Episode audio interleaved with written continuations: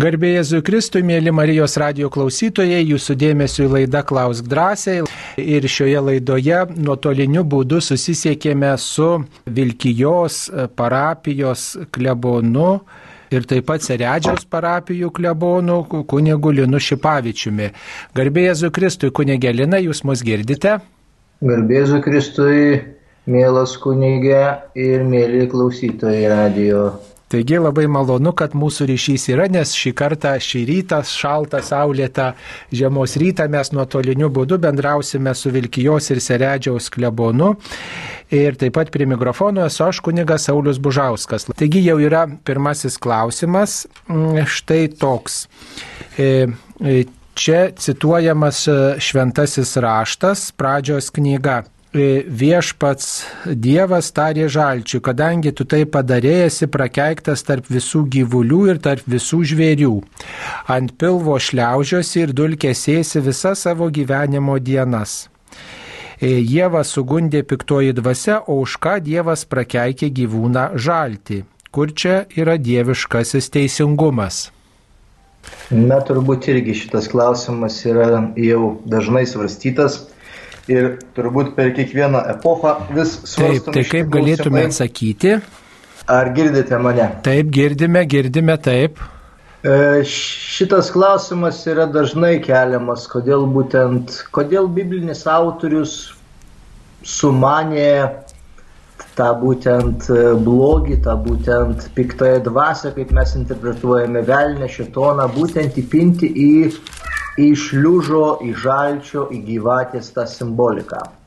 Bet kada mes žvelgėme truputėlį į tą kontekstą e, tokį platesnį ir šalia esančios kultūros, šalia esančios e, tautos Izraelio, jos iš tikrųjų garbino e, gyvatės, garbino žalčius. Ir dėl to turbūt yra ta konfrontacija, kad e, štai jūs garbinate dievus, ar ne, ža, kaip žalti, kaip gyvatę, o štai mūsų raštyjoje yra, na, jisai pavaizduotas kaip toksai, na, labai negatyvus e, šitą e, personažas.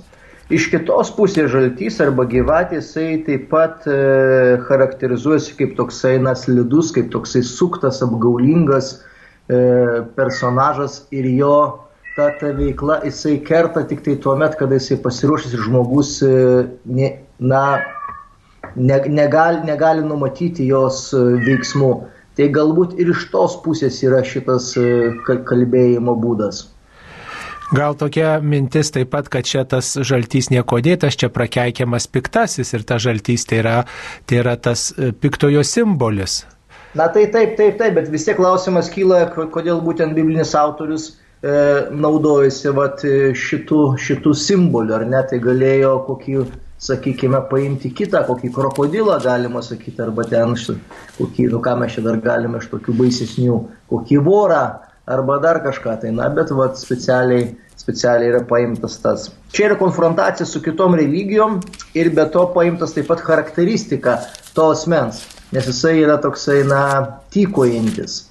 Ir pačioj pradžioje, aišku, sakykime, dar nebuvo suprantama, kad tas vad žaltys yra arba ten gyvatė, iš vis šliužas, e, hebrajiškai nahašiša yra iš vis šliužas arba šliaužiantis pilvų kažkoksai tai gyvis. E, nebuvo identifikacija būtent šetono, bet tik tai paskui jau ateities to tolimesnėse knygose, išminties knygose jau yra identifikuojama kaip, kaip velnės, kaip šetonas. Taip, dabar kunigalina prašytume atsiversti Jeremijo 15 skyrių. Čia klausytojo klausimas apie tai, e, kad štai Jeremijo pranašystė 15 skyriuje e, nesupranta e, klausytojai skaitantis šį skyrių, apie kokį laikmetį čia kalbama ir tiesiog sunku jiems suprasti. Tai kol jūs atsiversite, aš pabandysiu atsakyti dar į vieną tokį klausimą apie e, sukryžiuotas blažėja už vakes. e, kodėl sukryžiuotos dvi blažėjo žvakės yra perištos raudona juosta, ar būtina jas perišti. Na tai perišamos raudona juosta, ta raudona spalva primena, kad šventasis blažėjus buvo kankinys, kunigas aukojanti šventasias mišę šventojo blažėjaus dieną vilkė raudono arnotu, tai yra kankinystės spalva, ir kartu tiesiog tokio patogumo dėlį, kad to žvakės, tomis žvakėmis būtų galima tiesiog na, tinkamai atlikti patarnavimą žmonėms, jos yra sukryžiuotos ir kad jos nepasimestų, jos tiesiog yra surišamos. Taip, dar vienas klausimas yra apie grabnyčių žvakes. Vasario antrąją minėjome grabnyčių dieną arba Kristaus paukojimo dieną. Ir štai bažnyčioje žmogus įsigijo kelias žvakes, retsikiai susidega namuose, meldžiasi vakarais, tačiau šiais metais Zakristijonas subarė ir pasakė, kad grabnyčių žvakę reikėtų turėti tik vieną, o deginti galima tik mirusiajam. Prašau atsakyti, ar deginama grabnyčių žvakes namuose? Darome nuodėmę, ir to daryti negalima. Ne, tai nėra nuodėmė, galima deginti grabnyčių žvakę ir namuose, jinai taip tradiciškai yra žvakė, kuri kurią galima uždegti prie sunkiai sergančio, mirštančio žmogaus. Taip pat e, ją galima uždegti, jeigu turime kelias žvakės ir tuomet, kai melžiamės, ir tuomet, kai, kai yra kažkoks, e, kažkoks išskirtinis momentas mūsų gyvenime, kai, kai tai yra pašventinta žvakė, sakramentalija, būtent tą dieną, Kristaus paukojimo dieną. Ir jo, tas pašventinimas, galima sakyti, yra toks pat, ta žvakė to lygi tai pačiai žvakiai, kuri būtų pašventinta ir kita kažkokia proga. Taigi Ji tiesiog primena Kristų šviesą ir mes, kai melžiamės, mes į Kristų kaip į šviesą savo mintis kreipiame. Čia tiesiog toks liaudės pamaldumas, būtent tos dienos žvakės priskirdavo būtent deginimui prie mirštančio žmogaus, o vis dėlto mes netaip dažnai mirštantį žmogų e, turime savo artumoj, tai ir tos, e, o tas grabnyčių žvakės, galima sakyti, kiekvienais metais turim progą paprašyti, kad pašventintų arba dalyvauja dalyvaujama peigose, tai taip, kad tų žvakių susikauptų labai daug ir nebūtinai ją turėti vieną, galima ir kelias turėti ir uždegti kapinėse, pašventintą žvakę tinka ir, ir maldos metu ir, ir tada, kai mes keliam savo širdį į Dievą. Taip atsakytume. Dabar e, gal kunigas jau atsivertė Jeremijo knygos 15 skyrių ir galėtų pakomentuoti šią ištraukėlę. Taip. E, tai yra kalba apie dievų rūstybę ir pranašas Jeremijas būtent mums apie tai kalba. E, ir dažniausiai ta dievų rūstybė arba tas dievų teismas ateina tuo met e, į tautą, kada tauta išklysta iš teisingo kelio. Tokia tarytum yra schema, toks yra na, Dievo veikimas, kad Dievas iš pradžių siunčia kažkokius tai ženklus, jeigu tauta nesupranta ir negrįžta į tą teisingą kelią, tuomet yra, na, kaip ir ta Dievo bausmė. Iš kitos pusės, kad tauta suprastų, kad uh, už kiekvieną darbą, už kiekvieną padarytą klaidą ar nuodėmę uh, tiek asmeniškai tauta, tiek asmeniškai žmogus jisai turi atsakyti. Ir galima truputėlį paskaityti uh, būtent labai įdomus tekstas yra 15 skyrius, tarkime nuo 10 eilutės.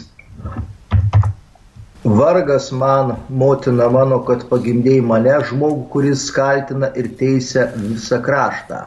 Aš nei kam skolinau, nei esu kam skolingas, tačiau visi mane keikia. Bet prisiekiu tau viešpatė, kad dėl jų labo tau tarnavau, užtariau tau priešą, pavojaus ir nelaimės ištikta. Ar gali kas sutribdyti geležį, ypač geležį iš šiaurės, geležį maišytą su variu. Tavo turtus ir išdus atiduosiu užgrobti kaip atpildą už tavo nuodėmės, padarytas visose tavo valdose. Padarysiu tave vergų priešų krašte, kurio tu nepažįsti. Mano piktis užkūrė ugnį kuri jūs sudegins. Ak tu žinai viešpati atmink mane, pasirūpink manimi, atkeršyk už mane mano persekiotojams, nepasiduok savo kantrybei, neleisk man pražūti ir atmink, jog dėl tavęs kenčiu užgauliojimus. Gavęs tavo žodžius, juos ryte prarijau. Tavo žodis atnešė man džiaugsmą ir širdies linksmybę, nes aš tapau tavo viešpatį galybių dievę. Tai štai iš tikrųjų tokia kaip ir pranašo rauda, kaip ir pranašo malda ir prašymas iš tikrųjų, kad Dievas taip pat ateitų į pagalbą e, jam prieš tuos e, jo engėjus, prieš jo priešus. Taip, mums paskambino. Klausytoja Adėlė. Taip, Adėlė, klauskite. Garbėjai Jėzui Kristui. Per amžius.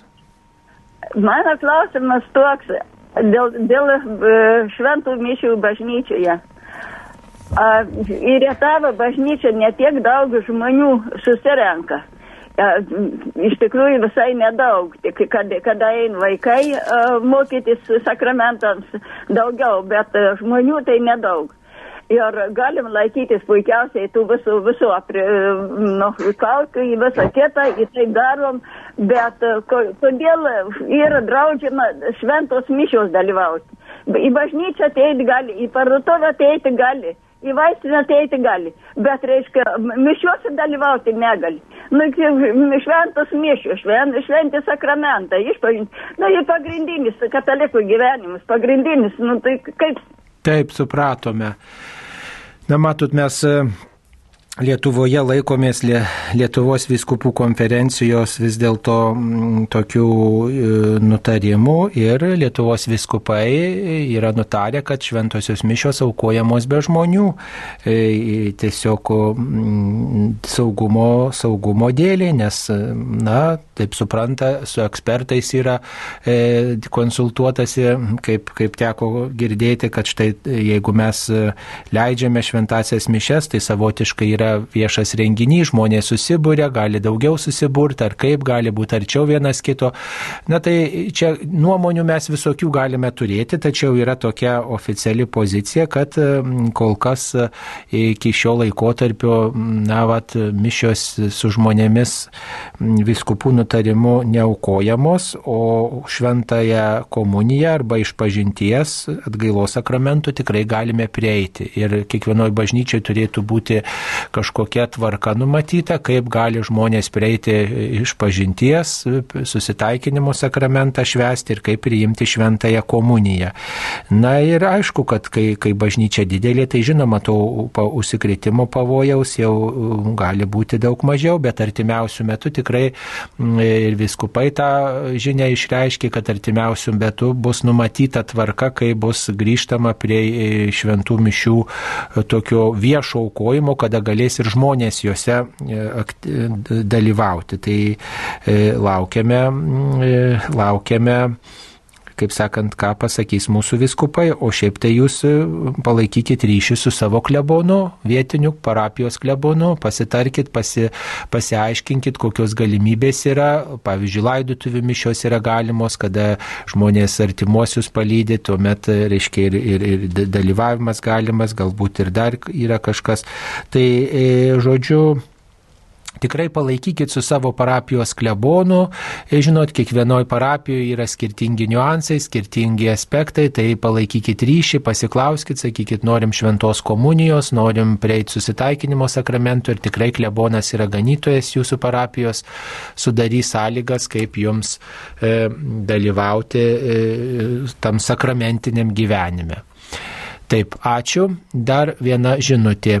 Garbė Jėzui Kristui, kiek verčiant šventą įraštą užima racionalus, kuo tikslesnis vertimas, ar daug lemia šventos dvasios vedimas ir mistinė patirtis? Štai toks klausimas.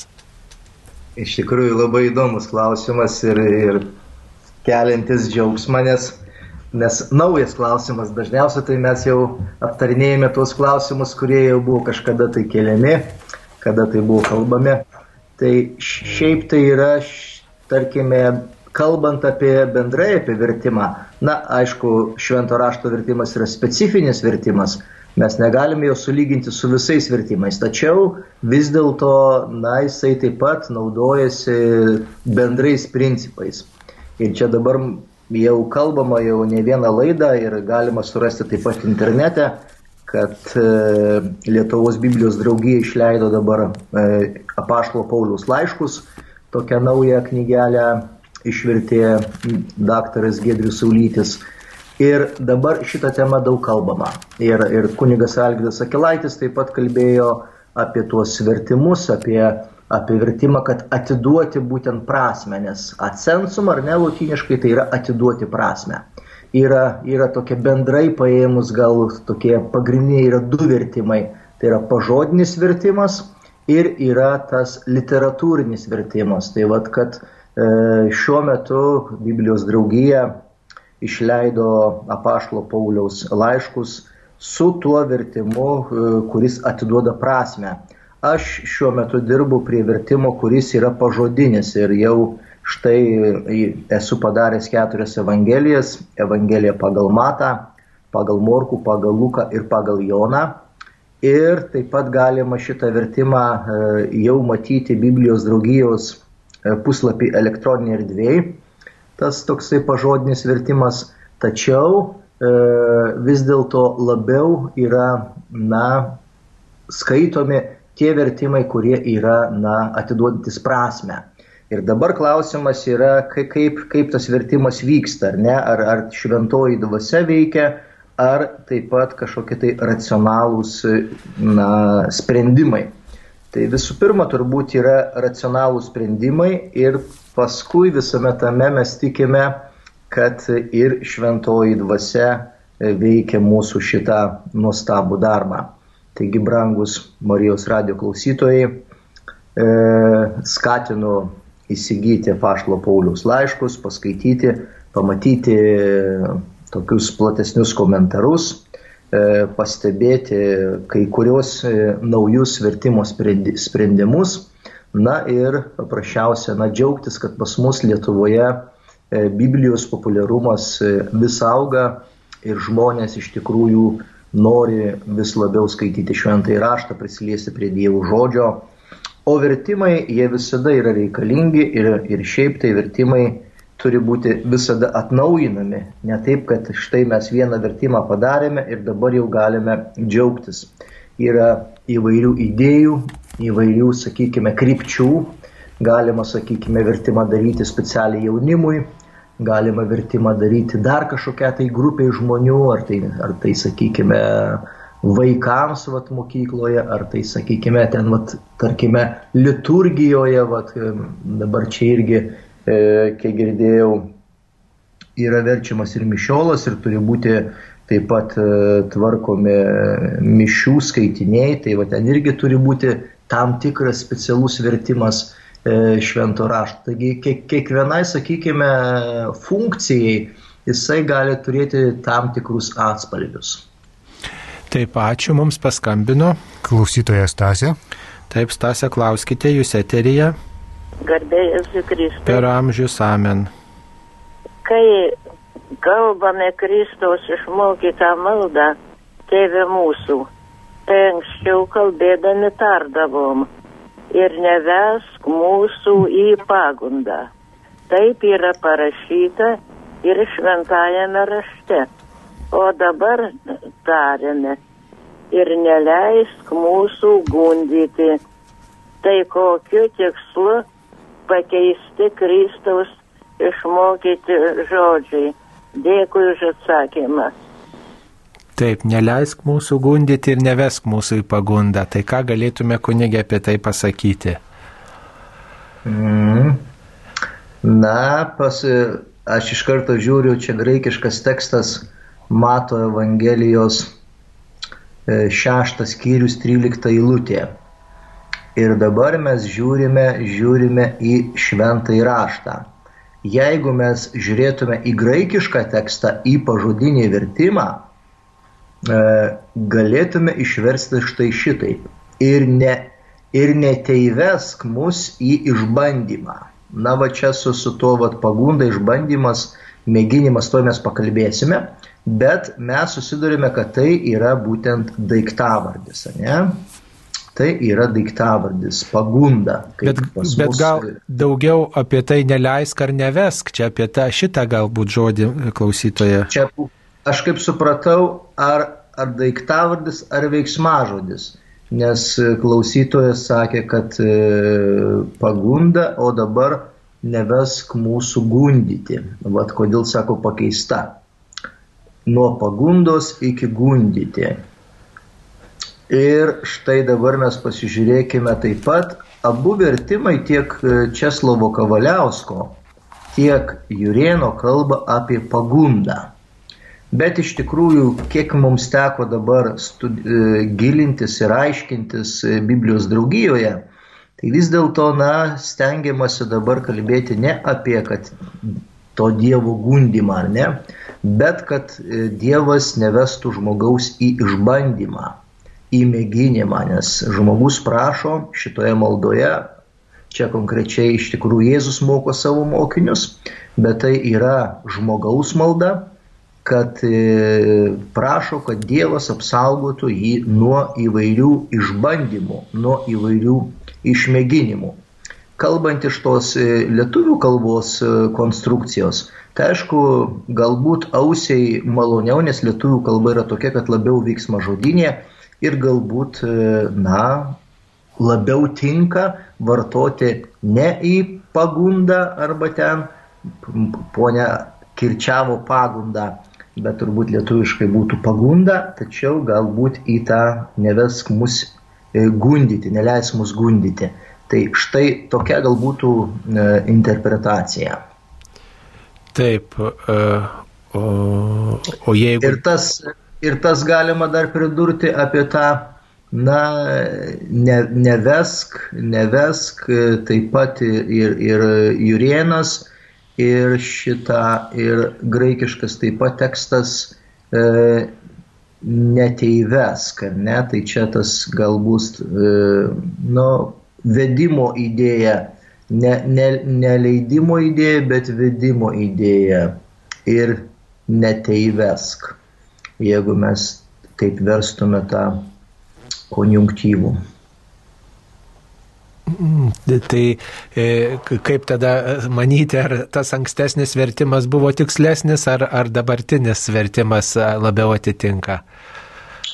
Kad e, atitikmuo tas pats, nėra, nėra, jo, nėra kažkokių taip ir didelių skirtumų. Tik tai dabar kalbama būtent apie, apie tą E, ne pagunda, bet kalbama apie mėginimą. Ir aš dabar iš karto pasitikrinu dar dabartinį. Aha, dabartinis mūsų iš tikrųjų kalba apie gundimą. Mhm, dabartinis pakolkas ir neves mūsų į gundimą, bet išgelbėk mus nuo pikto. Tai dar turbūt yra diskusija dėl šito, dėl šito termino Bet teologiškai, na, yra labai sudėtinga suvokti, kad Dievas žmogų gali gundyti, ar ne?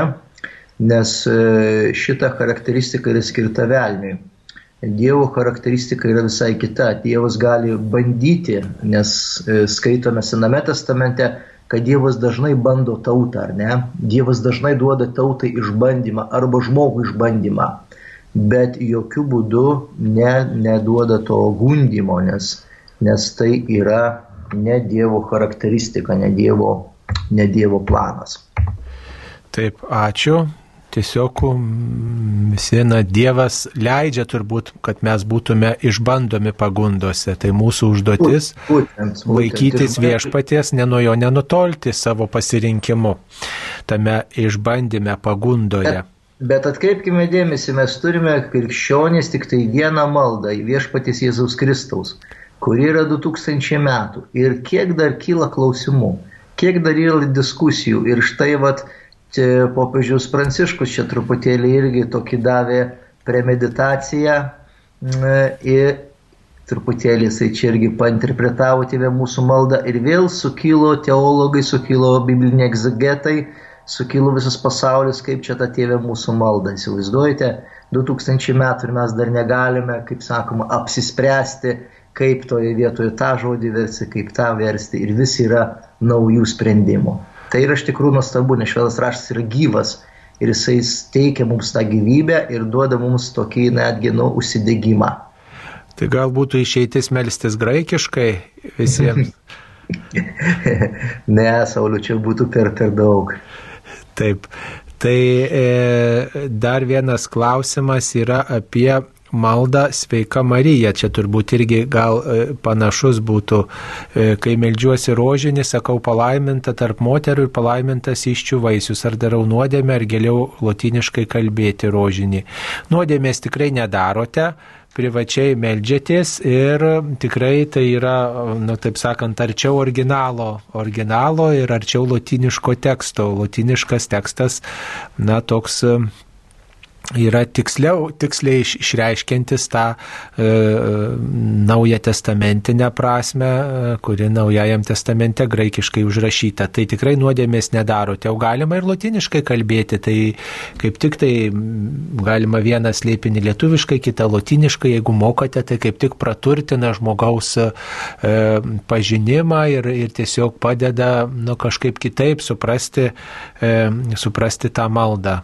Tai tikrai privačiai galite tą daryti, o oficialiai kol kas nėra tas vertimas patvirtintas, ar taip? Taip, taip, tik tai čia irgi tas, e, tokia diskusija irgi čia buvo e, erdvėjai internetiniai. Tai vat, e, tas graikiškas žodis jau logomenos yra, na, taip teisybė sakant, tiesioginė prasme tai yra pagirtas. E, pagirtas, pagirta. Na, mes galime versti ir, ir, ir palaiminta, aišku. Bet e, dabar vat klausimas, ar, ne, ar mes vat, šitoje vietoje laikomės to pažodiškumo, ar mes laikomės vat, to, tarkime, atsensum, ar ne, ar tos prasmės.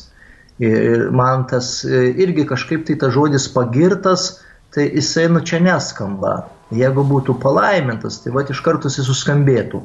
Tai va kartais reikia daryti tokius sprendimus ir, ir, ir čia aišku, kažkada tai reikės atsakyti šitą klausimą. E, šiaip mes dabar tik tai per Marijos radiją kalbame taip e, bendrais bruožais, bet ateityje reikės vis dėlto atsakyti šitą klausimą ir kaip toliau vartoti tėvę mūsų maldoj šitą būtent e, invokaciją.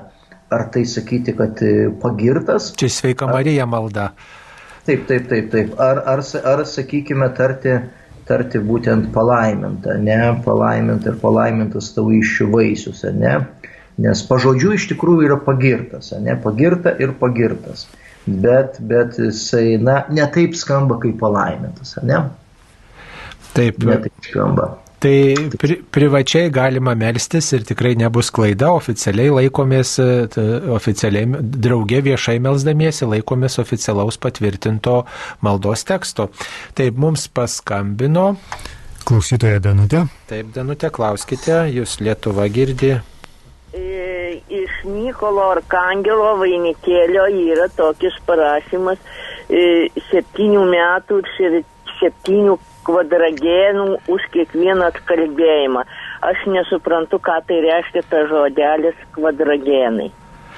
Taip, ačiū. Čia gal nuopelnus ir jūsų, taip sakant, dvasinį derlių skaičiuoja tokiu būdu. E, kunigė, esat girdėję apie tokį Ne, gal, gal jūs, kunigas Sauliu, pabandykit pagilinti.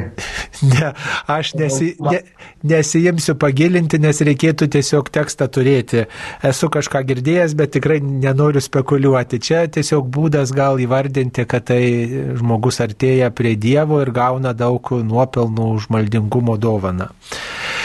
Taip, e, skaitant Jėzaus istoriją Biblijoje, tai kaip auga jo populiarumas, jį persekioja minio žmonių, norinčių pamatyti, išgirsti ir bent prisiliesti prie jo, bet susidaro įspūdis, kad iš Biblijos išplėštas vienas puslapis, kur aprašoma, ką Jėzus padarė ar nepadarė, kad ta minė taip staiga pakeitė nuomonę. Štai toks klausimas. Na, iš tikrųjų, jeigu mes skaitytume taip įdėmiai būtent tą kančios istoriją ir jau ten e, Jėzaus viešosios veiklos paskutinį laiką, mes pas, pastebėtume, kad e, didelė įtaka iš tikrųjų daro tos susipriešinusios grupės, tai yra fariziejai, sadukiai, rašto aiškintojai, kurie iš tikrųjų turi labai didelę įtaką e, tautai arba miniai ir, ir jie yra tie inspi, inspiratoriai. Nes mes, pažiūrėjau, skaitome e, Jėzaus įžengimas į Jeruzalę, e, tai yra didžioji savaitė. Žmonės e, laukia Jėzaus ateinančių, žmonės e, tiesia savo drabužius, žmonės tiesia palmių šakeles, e, cituoja 118 psalmę 25 eilutę, Osana Dovido sūnui, ar ne? Tai tarytum yra tokia euforija, kad štai mes e, laukiame to, galbūt netgi ir tiesiogiai įvardina kaip mesiją. Bet kitą dieną e, jau minios arba žmonių nuomonė visiškai pasikeičia. Dėl ko? Dėl to, kad mes kada atverčiame Naujojo testamento puslapius, mes sutinkame, ką yra pasakęs e, vyriausias kunigas Kajafas. Ar kad žus visa tauta, ar geriau, kad žūtų vienas žmogus. Ir štai tose aukščiausiose sluoksniuose yra nusprendžiama, kad Jėzų reikia nužudyti, kad e, tauta išliktų. Ir va šitoj va vietoje mes matome, kad e, tie vadovai tautos, jie turi didžiausią įtaką E, pakeisti tautos arba minios nuomonę. Bet galbūt būtų taip neteisinga teikti, kad kai kurie Biblijos puslapiai yra išplėšti. Na, tais laikais iš vis nebuvo puslapio, buvo rytinys ir buvo turbūt neįmanoma išplėšti puslapio. Dabar mes tai galime iš knygos, iš vidurio, iš priekio, iš galo išplėšti vieną ar tai kitą puslapį. O tais laikais įsivaizduojame tas e, pergamentas arba rytinys, ant kurio buvo rašomas e, šventas raštas, tai jisai buvo vienas. Jisai vienas buvo rytinys ir neįmanoma išplėšti dar daugiau, kad e, taupyti, sakykime, tą pergamentą buvo žodžiai sujungti ir visi didžiosioms raidėms. Ir kada tu skaitydavai, tu, žin, tu turėdavai žinot, kur yra tarpas, kur, kur reikia atskirti žodį nes jeigu eilutė visiškai yra sujungta e, ir visa eilutė eina žodis po žodžio, tai žmogus turėjo labai gerai žinoti graikų kalbą ir skaityti ir žinoti, kur atskirti žodžius. Ir tarkime, kur yra akcentas, kur yra kirtis, ar ne? Tai čia vat, šitie galbūt dalykai labiau mus žavėtų, o ne koncentruotis mums dabar į, į tas vietas, kad štai pavyzdžiui, čia vieno ar tai kito puslapio trūksta. Tai negali trūkti. Iš kitos pusės, tarkime, Naujojo testamento rankraščių yra apie 5500, įsivaizduojate. Ir kiekviena bendruomenė turėjo savo evangeliją. Tarkime, pavyzdžiui, Vilkijos parapija turi savo evangeliją. Seredžiaus parapija turi savo evangeliją. Ir Čekiškės parapija turi savo evangeliją. Ir ta bendruomenė skaito tą evangeliją būtent perrašinėtojų. Ir, ir tarkime, ir gali būti tam tikri, na, netitikmenys, nes e, nebuvo tokios komunikacijos, kad paimti dabar ir sutikrinti, ar ta Evangelija pagal matą tokia pati Seredžiaus parapijoje ir Vilkijos parapijoje. Aš čia dabar kaip pavyzdį sakau. Taigi tais pirmaisiais amžiais iš tikrųjų buvo labai daug nuorašų Naujojo testamento ir, ir, ir na, su tam tikromis variacijomis. Ir kada, pavyzdžiui, skaitome ten, sakykime, kokiam Bezos kodeksas iš 5 amžiaus ar ne, ten yra išplėstinis tekstas, o skaitome Sinajaus ten kodeksą arba tenai dar ten kažkokį tai, e, tarkime, na, pir, pir, pirmųjų amžių švento rašto rankraščius, ten yra siauresni tekstai arba, arba trumpesni sakiniai. Ir mes matome, kad iš tikrųjų, na, tas tekstas vystėsi. Ir, aišku, bendruomenė augo su tuo tekstu.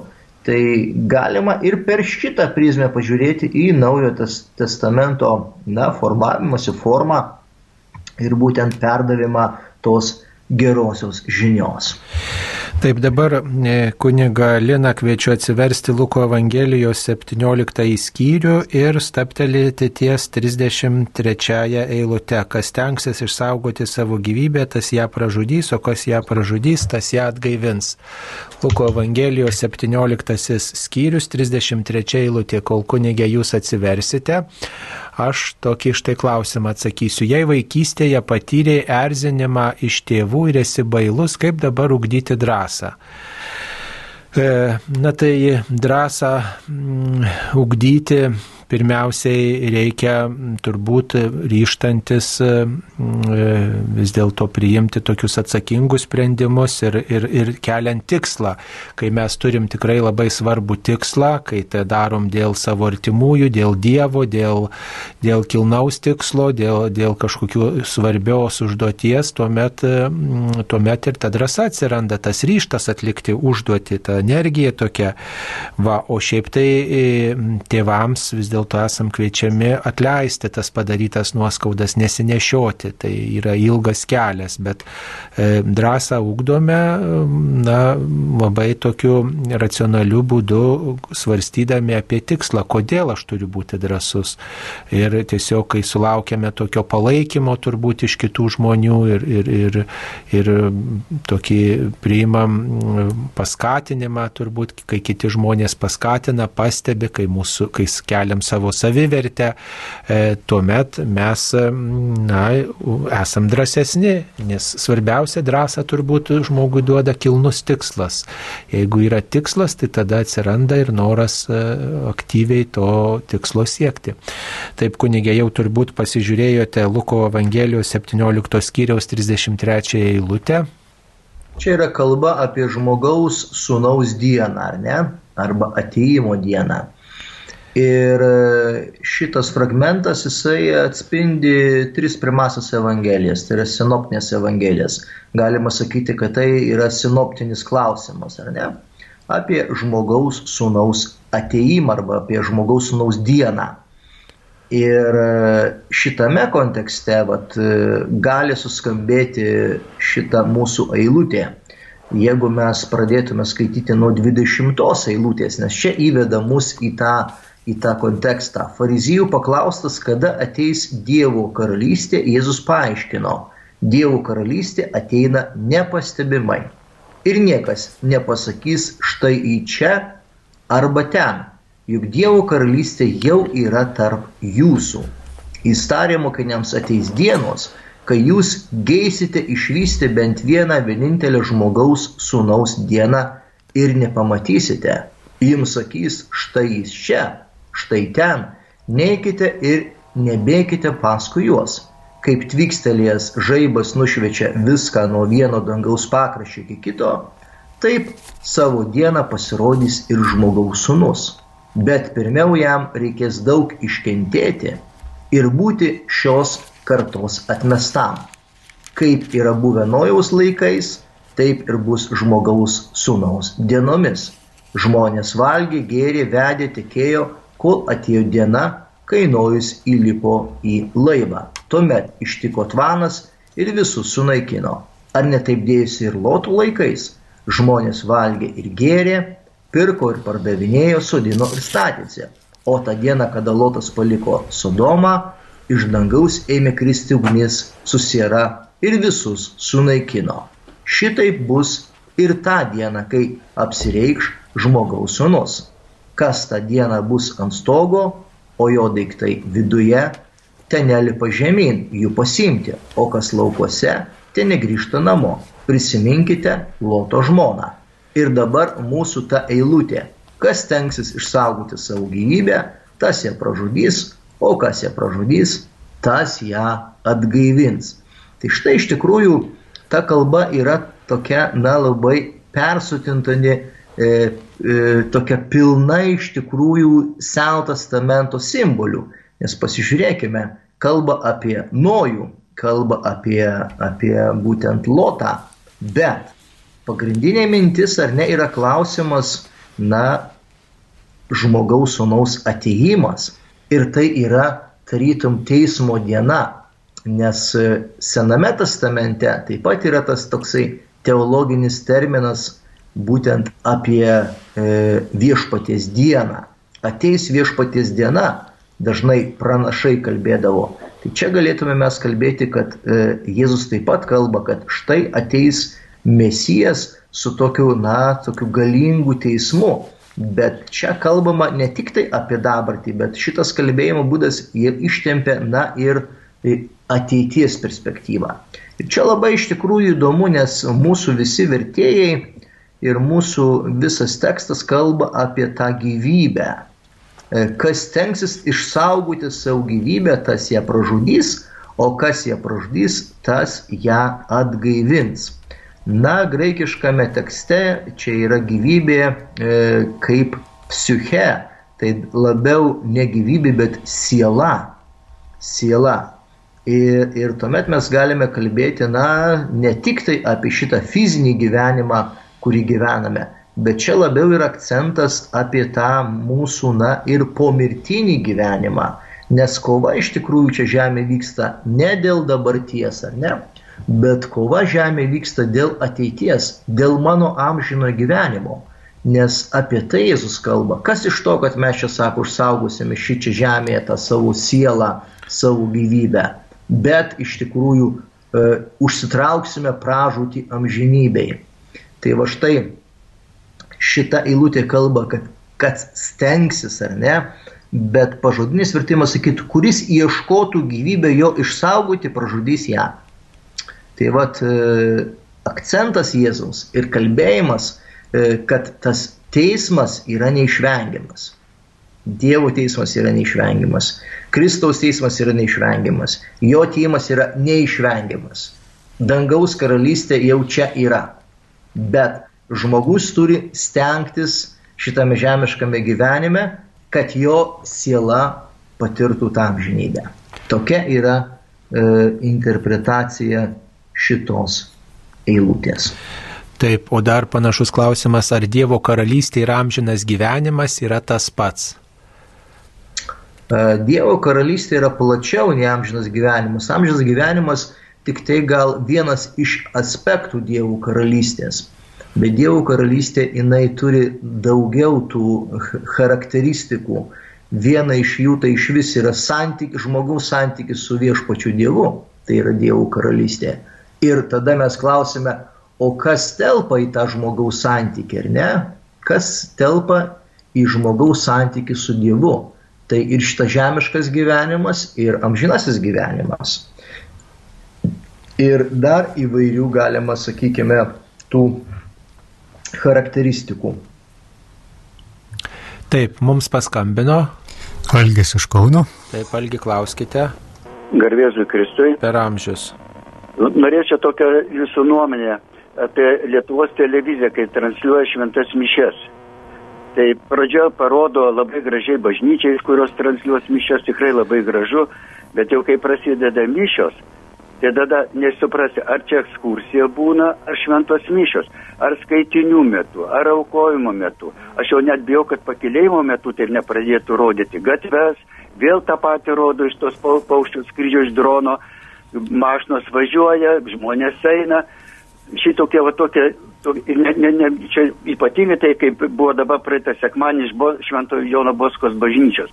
Tai tas labai blaško, aš nesuprantu, ar tie operatoriai nesupranta, režisieriai, kas čia e, tvarko šitokius dalykus. Ir iš tiesai, va taip, blaško, išblaško, tie glūtės rodo, kaip, va, nu, tiesiog išmuša, paskui žiūrai, žiūrai, tas kunigas praskaitė tuos skaitinius Ir, nu, tiesiog išblaško. Ir kokia jūsų nuomonė būtų, kas šitą galėtų dalyką taip sutvarkyti, kad taip nebūtų. Aš tai įsivaizduoju, kaip tokia būtų opera transliuotų per televiziją ir pradėtų rodyti operą, ten opera dainuoja, o šitą o rodo operos kokį baletą, gatvės rodo. Taip, supratau, supratau jūsų klausimą. Na, matot, čia yra, taip sakant, tos televizijos toks darbas, reiškia, operatorius filmuoja, režisierius tuos kadrus vis dėlto, taip sakant, montuoja, paleidžia, kuris, reiškia, eina į eterį tuo metu ir čia reikėtų tuos, tas mintis išsakyti televizijai, kuri, kuri štai organizuoja tas transliacijas. Mes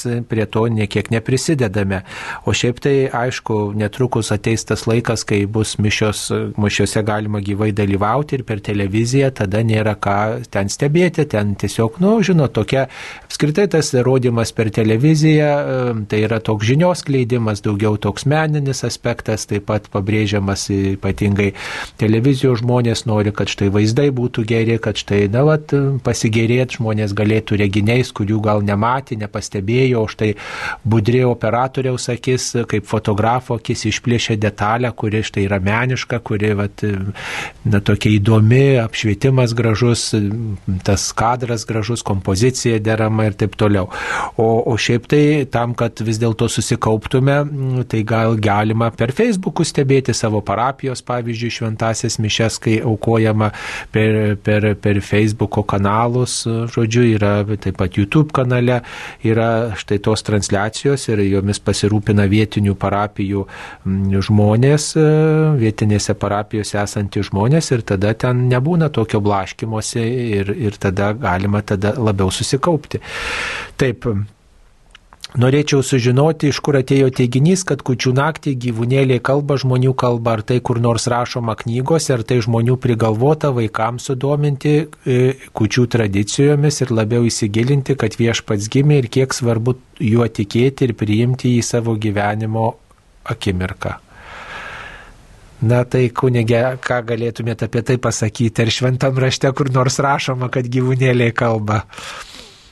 Nu taip, prašo pradžios knygoje, kai pasilė prabilo, ar net ten turim, dabar aš jau neprisiminsiu, gal koks ten 33 skyrius, e, ar 32 skyrius, galime, galime truputėlį pasižiūrėti, bet yra, yra e, tokių fragmentų, kada, na, netgi ir per, per žinai, per prabylą į tą žmogų ir per gyvulį.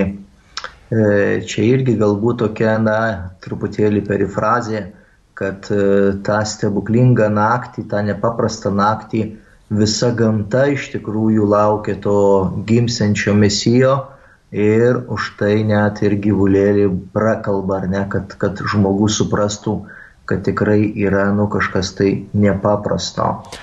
Taip pat tenai ir, ir pas pranašą Izaiją kalbama, kad jautis supranta savo šeimininką ir pažįsta, o Izraelis nepažįsta savo viešpaties. Tai galima ir taip e, truputėlį žiūrėti į tų gyvulių kalbėjimą. Bet e, yra pradžios knygoje tikrai šitas fragmentas. Nu, o tą, ką mes čia suprantame, kad tikrai taip nu, svarstome, arba tokia yra, kaip sakyt, liaudės padavimas, kad štai gyvuliai kalba, tai turbūt yra liaudės, grinai va tokia išmonė, tą naktį padaryti tokia ypatingesnė, kaip ir patiekalai ypatingi, tradicijos ypatingos tą naktį yra, tai, tai štai ir, ir su gyvūnėliais tas yra siejama, bet kažkokio rimtesnio pagrindo, tokio, kuris štai aiškiai nurodytų rašytinio šaltinio, be jūsų minėtų nieko turbūt ne, neteko girdėti, bent man. Na, ir... Taip, taip, taip. Šitą, šito tikrai ne, nėra, bet, bet e, tokios užuomenos vat, mes galime surasti. Ir kartais, e, na, būna, kad, e, na, kažkokia tai, vat, užuomena, eilutė, jinai paskui tautoje, na, įrėžia tam tikrą, na, tokį pamastymą. Taip, dabar kunigė, atsiverskite Mato Evangelijos 27 skyrių nuo 3 iki 10 eilutės apie judo savižudybę. Čia klausimas toksai. Mhm. Ar tiesa, kad judas specialiai pasirinko tam vietą Akeldamoje priešais vyriausio kunigo šeimos kapavietę? Štai toks klausimas apie Mato Evangelijos 27, 27 skyriaus e, ištrauką nuo trečios iki dešimtos eilutės. Taip, o mhm. dabar tai dar. Būtų gerai gal skaityti nuo pirmos eilutės, bet ar jūs, Sauliau, kokį nors dar turite klausimą atsakyti? Taip, aš dar atsakysiu, jeigu jau suradote, bet trumpai labai. E, prašo paaiškinti, kas yra Agnus Dei bažnyčia, kuri, kuriai skelbiama, kad priklauso kai kurie politikai turintys įdomią verslo reputaciją. Tai yra evangelinė bažnyčia, kitaip sakant, protestantų atšaka, protestantiška bažnyčia. Ir kas jai priklauso, mes na, negalime nei to komentuoti, nei to patvirtinti ar kažkaip paneigti. Tai protestantiško tipo bendruomenė. Taip, tai dabar staptelkime ties 27 skyriumi. E, taip. E, Kalbama apie apie judo mirtį čia pavadinta išdaviko galas. Štai toksai pavadinimas. E, Kavaliausko vertime rytų išaušus visi aukštieji kunigai ir tautos seniūnai nusprendė, kad Jėzus turės būti nužudytas. Surišę nuvedė ir atidavė jį valdytojui pilotui. Kai išdavikas Judas pamatė, kad Jėzus pasmerktas, gailėšio pagautas, nunešė atgal aukštiesiams kunigams ir seniūnams 30 sidabrinių.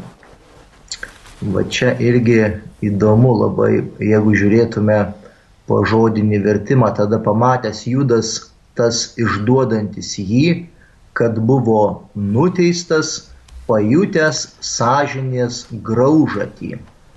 E, sugražino 30 sidabrinių vyriausiams kunigams ir vyresniesiems. Ir tarė, nusidėjau užduodamas nekaltą kraują. Tie atsakė, ką mums, kas mums darbo, tu žinokis.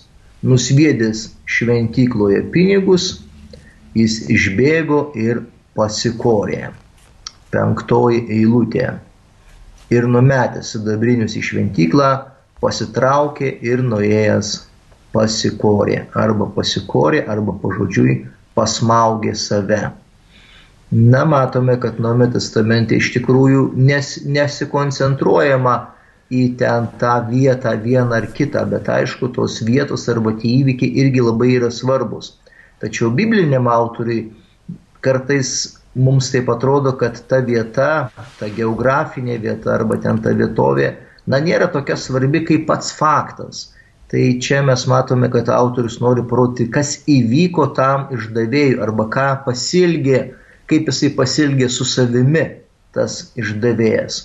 Jisai paprasčiausiai, na, atėmė iš savęs gyvybę.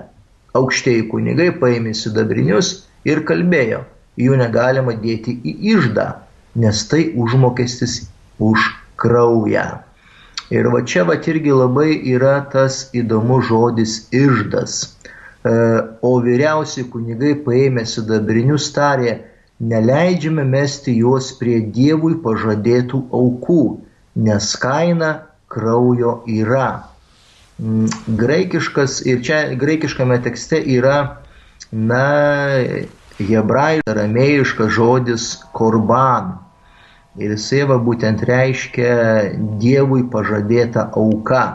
Na, pas mus e, vertimai e, atliko tokią supratimą, kad tai yra išdas, bet tai yra kažkas tai daugiau, tai yra, tai yra vieta arba tai, tai yra, sakykime, na, skrinė kažkokia, kur žmonės aukodavo Dievui pažadėtas aukas, tai yra kažkas tai švento. Ir dėl to e, vyriausi kunigai nusprendžia, kad tai yra nu, neįmanoma, negalima, nes tai suterštų tas visas kitas aukas, nes aukos Dievui yra aukojamos iš tyro širdies ir sąžiningai, o čia iš tikrųjų, va, kaip jie pabrėžė, kad tai yra už žmogaus kraują. Taip, mums paskambino. Teresė iš Vilnius. Taip, Teresė, klauskite. E, Garbėsiu Kristus. Per amžius. E, e, sausio 25 dienos Sauliaus atsivertimo į Paulių dieną Magnificat skaitau du tekstai. Pirmas yra, aš pasitikrinau, 22 Sauliaus pasiteisinimo kalboj yra pasakyta, mano palidovai matė šviesą, bet negirdėjo man kalbančio. Tuo tarpu Mm, Sauliaus pašaukimas iš apaštalų 9 e, skyriaus pirmos tenai. E, jo kelionės draugai stovėjo be žado, jie girdėjo balsą, bet nieko nematė. Tai kaip tenai yra su to vertimu? Ar jie girdėjo ir nematė, ar jie matė, bet negirdėjo. Ir atsiprašau, kadangi sunku prisiskambinti, antras klausimas dėl vertimo. Sveika Marija. Hairė Marija yra graikiškai. E, pravoslavai ver, verčia antrąją reikšmę džiaugtis Marija. Kaip dabar bus su ekumeniniu? Ačiū labai už atsakymus. Dėkui labai. Na, kalbant apie Pašlo Paulius atsivertimą, tai ten yra du tekstai arba galima sakyti, na, na du pasakojimai. Ir kiekvienas pasakojimas va štai turi savo tokių nu, atspindžių. Ir apaštas Paulius, kuris na, rašė, kuris, kuris diktavo savo paskui palidovams, kurie surašinėjo tą istoriją, na, įvyko tam tikra interpretacija ir kartais būna, kad sulygini tekstus arba tą patį pasakojimą, e, tarkime, evangelinį pasakojimą arba štai, vat, kaip mes turime pašlų darbų pasakojimą ir mes matome, kad ten yra šiokių tokių, na, ne tai, kad nesklandumų, bet e, tam tikrų detalių. Ir tai rodo, kad na, tai, tai iš tikrųjų rašė žmogus. Ne vien, tik tai, ne, tik, ne vien tik tai Dievo yra įtaka, ne vien tik tai Dievo yra interpretacija, ne, bet taip pat yra ir žmogaus e, darbas. Ir Paulius nori pabrėžti tą, tą atsivertimo tikrumą, atsivertimo tikrumą, e, tą tikrą įvykį, kad buvo šviesa, kad jisai kad jo palidovai taip pat matė, kad jisai neįsigalvojo šito įvykio, Ir jisai kalba, kad, na, jisai girdėjo būtent Kristaus ištartus žodžius. E, tai būtų taip, dėl to antro dabar e, Hairė Marija, Kacharitomenė, e, graikiško teksto, tai aišku, na, pažodinis vertimas yra džiaugis, džiaugis Marija, bet, bet vėlgi mes turime ieškoti to, to būtent, na, turinio, kaip, kaip iš tikrųjų turi suskambėti. Nes mes dabar e, turime tekste, kad sveika Marija. Na, tai yra pasveikinimas. Na, tas pasveikinimas taip pat yra graikiškai haire. Tai yra pasveikinimas. E, pas mus paskui perėjo iš lotynų kalbos ave arba salve lotyniškai, tai irgi taip pat yra toksai pasveikinimo šūksnis, pasveikinimo gestas. Na ir nežinau, čia turbūt, turbūt yra tų sprendimų dar ne vienas e, turės būti priimtas, bet e, kas liečia tradiciją, kas yra nusistovėję, taip pat reikėtų gerbti ir išsaugoti.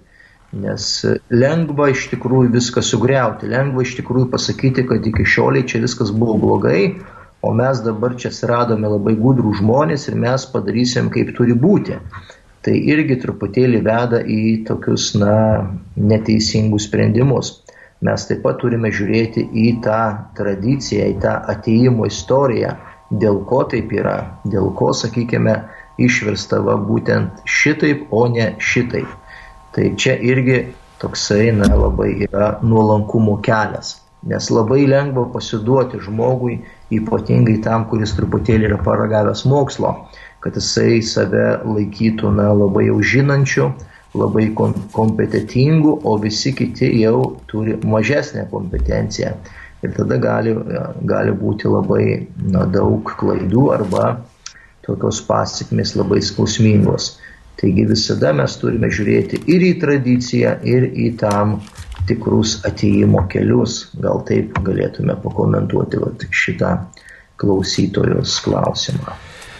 Taip, dabar aš kviečiu Jūs atsiversti antrąjį laišką tesalonikiečiams ir antrąjį skyrių. E, pakomentuoti čia prašo mm, klausytojai, nes nelabai supranta. Antrasis laiškas tesalonikiečiams, antrasis skyrius, o aš tuo metu dar vieną klausimą perskaitysiu. E, žinom, kad bažnyčia yra Kristaus sužadėtinė. Jei padaryti yra širdį vienuolystės įžada ir jie nesulaužyti, iki kokio amžiaus galima įstoti į vienuolyną Lietuvoje. Na, turbūt nėra tokio mm, visiems vienuolynam nustatyto amžiaus cenzo, labai turbūt skirtingai. Reikėtų kreiptis į konkretų vienuolyną, su, su kuriuo jūs jaučiate tam tikrą bendrumą. O šiaip tai jeigu jūs kažkokius įžadus padarėt, norit laikytis tų įžadų mm, ir, ir tiesiog pasišventėte Dievui, apie tai reikėtų aptarti su vietos vyskupu. Vis dėlto geriausiai aptarti ir, ir šitą vat, įžadų prasme prasme tiesiog vyskupo akivaizdoj. Tai geriausias sprendimas turbūt e, būtų, jeigu jūs pati viena davėte įžadus, na tai tiesiog Dievui davėte ir jeigu kažką norite daugiau, vis dėlto e, laikytis jų ir kaip pagal juos gyventi, reikėtų tai su savo dvasios tėvu aptarti arba bent jau klausyti savo nuodėm klausiau patarimų. Taip, tai štai antrasis laiškas tesalonikiečiams, antrasis skyrius. E, Mes prašom jūs, broliai, dėl mūsų viešpaties Jėzaus Kristus ateimo ir dėl mūsų surinkimo aplink jį. Nesiduokit taip lengvai nukreipiami nuo sveiko proto ir įbauginami ar dvasios pranašystę, ar žodžiu, ar neva mūsų parašytų laiškų, esą viešpatis diena jau čia pat. Tegul niekas jūsų neapgauna kuriuo nors būdu. Pirmiau turi ateiti atkritimas ir apsireikšti nedorybė žmogus, pražūties sunus, prieštarautojas, kuris iškelia save virš kiekvieno vadinamojo Dievo ar šventinybės ir pats sėdasi Dievo šventykloje, dedamasis Dievu. Ar neprisimenate, jog tai sakiau jums, tebe būdamas tarp jūsų? Jūsgi žinote, kas dabar jį sulaiko, kad jis apsireikštų tik savo metu. Nedorybės liepinys jau veikia, bet dar turi pasitraukti tasai, kuris ją varžo. Tada jau apsireikš nedorelis, o viešpats Jėzus sunaikins jį savo burnos kvepimu ir sutriuškins savo didingu ateimu. Na ir taip toliau. Čia yra diskusija arba kalba apie viešpaties ateimo ženklus. Ir iš tikrųjų pirmoji krikščionių bendruomenė, na, gyveno tuo, kad tuoj pat turi ateiti antrasis Kristaus ateimas. Ir tuoj pat turi būti pasaulio pabaiga. Ir čia mes matome toj pirmoji eilutėje tokias, na, dvi tendencijas. Mes prašome jūs, broliai, dėl mūsų viešpaties Jėzaus Kristus ateimo ir dėl mūsų surinkimo aplink jį. Tai štai, E, neva ateis Jėzus Kristus ir surinks visus mus, ar ne, visus tuos tikinčiuosius.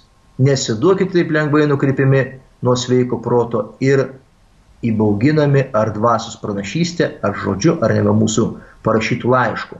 Ir netgi matome, kad galbūt ir buvo, na, rašomi tie pseudo Pauliaus laiškai arba melagingi Pauliaus laiškai, kurie norėjo iš tikrųjų tą Pauliaus kūrimo bendruomenę suskaldyti. Tai va iš šito teksto mes suprantame, kad krikščionybės atsiradimas ir krikščionybės plėtimas tikrai nebuvo labai lengvas reikalas, nes buvo tikrai, na, trūkdžių, buvo m, tam tikrų žmonių, kurie norėjo nukreipti tą krikščionišką judėjimą visai kitų kelių. Tai buvo būtent gnostikai, kurie na, ypatingų būdų stengiasi pakreipti tą na, tikėjimo judėjimą kitą linkmę. Bet apaštalas Paulius iš tikrųjų šitame laiške labai kovoja su ta nuomonė, kad niekas nežino, kada ateis tas antrasis Kristus ateimas arba kada bus tas antras Kristus ateimas. Ir, ir žmonės iš tikrųjų skatino, kad e, šita mintimi teologinė, na, per daug neusiminėtų. Tai štai būtų gal toksai paaiškinimas. Taip, mm, ačiū už šitą. Dabar mums paskambino. Adėlė iš Kauno. Taip, Adėlė, klauskite. Gerbėjai Jėzai Kristui. Per amžius. Gerbiami kunigėliai, norėjau sužinoti e, apie pavadinimą noveną. E, Kokios maldelės įeina į tą noveną? Kalbasi devynės dienas tą noveną. Ir aš nežinau, kokios maldelės. Taip, supratom, supratom. Tai yra devinių dienų e, maldos e, tokia akcija, e, tokia tradicija melstis devynės dienas. O kokios maldos tai yra, e, dažniausiai tai yra litanija, dažniausiai tai yra kažkokia papildoma malda ir dažniausiai tai yra ir poteriai pridedami tėvė mūsų, sveika Marija, tikiu Dievą tėvą malda. E, ir tai yra į skirtingus šventuosius e, štai atliekama maldos praktika devynias dienas iš eilės. Arba pavyzdžiui, novena į šventąją dvasę, tai yra gimnas e, su malda į šventąją dvasę prieš sėkminės, pavyzdžiui. Štai taip trumpai atsakytume. E, dabar dar kviečiu atsiversti pradžios knygos ketvirtąjį skyrių.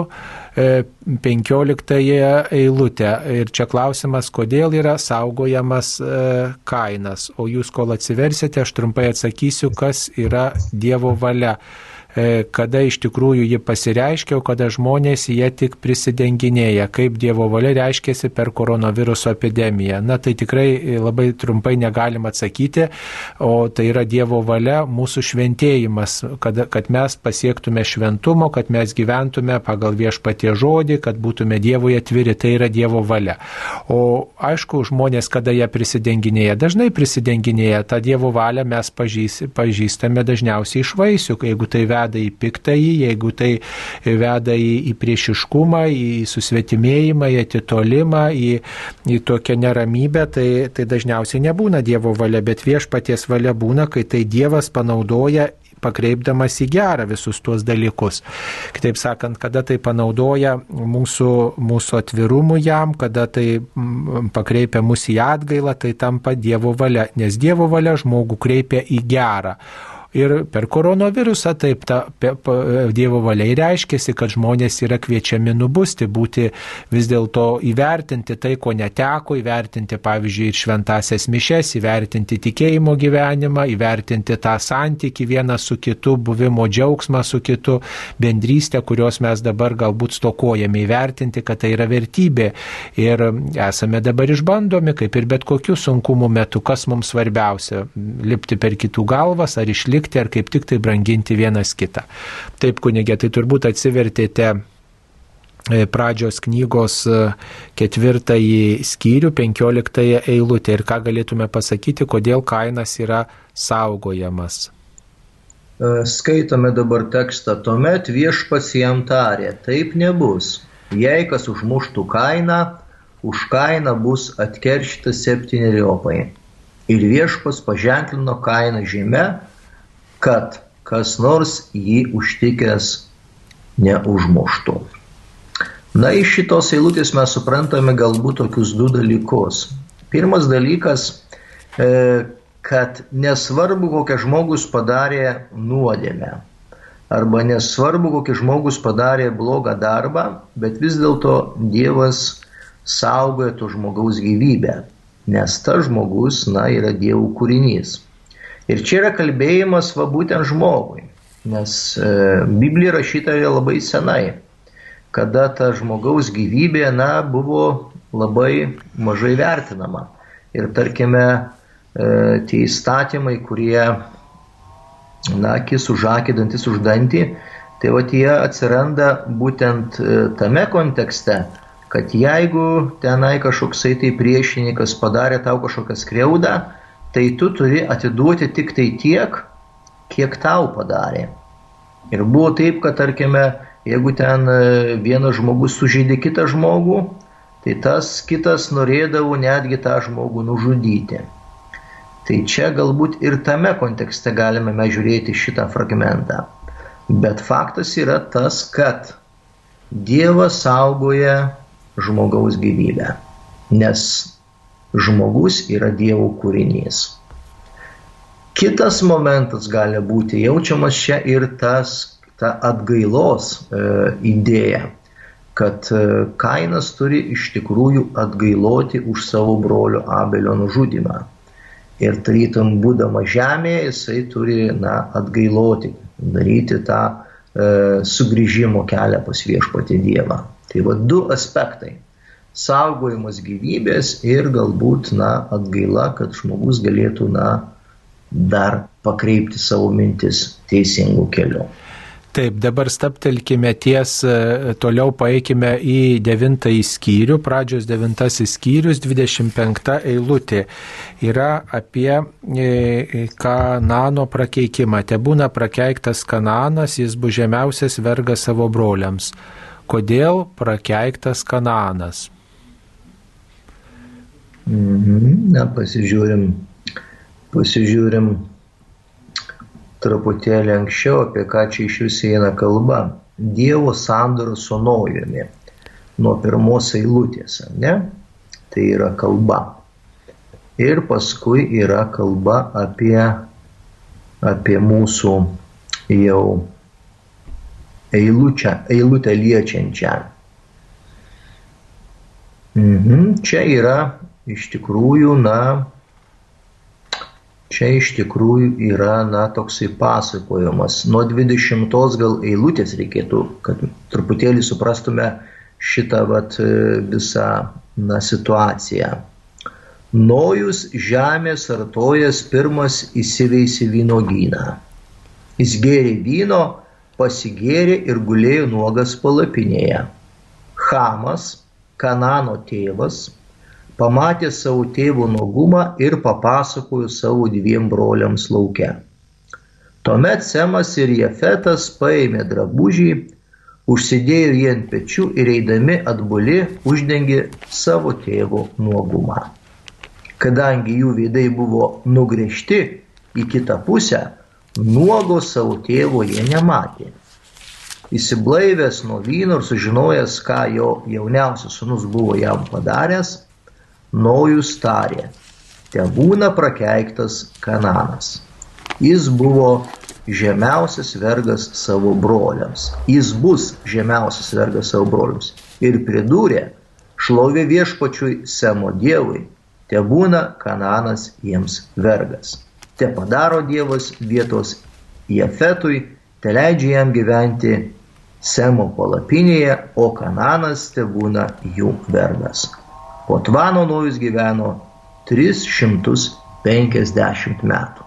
Tai štai, kada brangiai mes perskaitome truputėlį platesnį kontekstą, mes tuomet suprantame to e, sūnaus e, prakeikimą, kad jisai pamatė savo tėvo nuogumą. Tai yra tie moraliniai tokie dalykai ir mes matome, kad jau nuo senų laikų tas buvo labai vertinama kad e, žmogus na, negali e, stebėti svetimo, svetimo žmogaus kūno, ypatingai matome nuogo. Pažiūrėkime, kaip padarė anie broliai, jie nugarą tarytum priejo prie savo tėvo ir jį užklojo.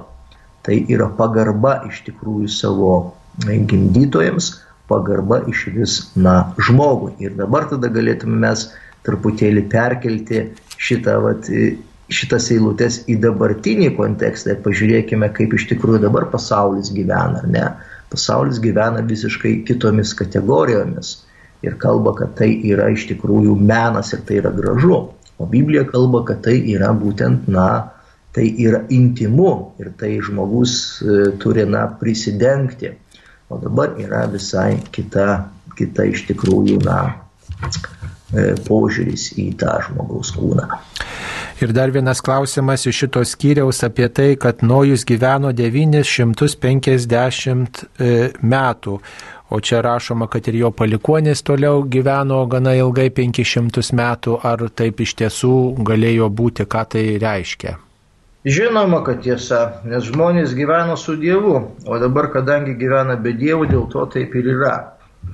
Ir tai mes turime įsisavinti žmonės galvoja, kad čia, kad čia yra mitas, ar ne? Taip, su Dievu jisai gyveno šitiek metų, nes turėjo iš tikrųjų labai artimą ryšį su viešpačiu Dievu.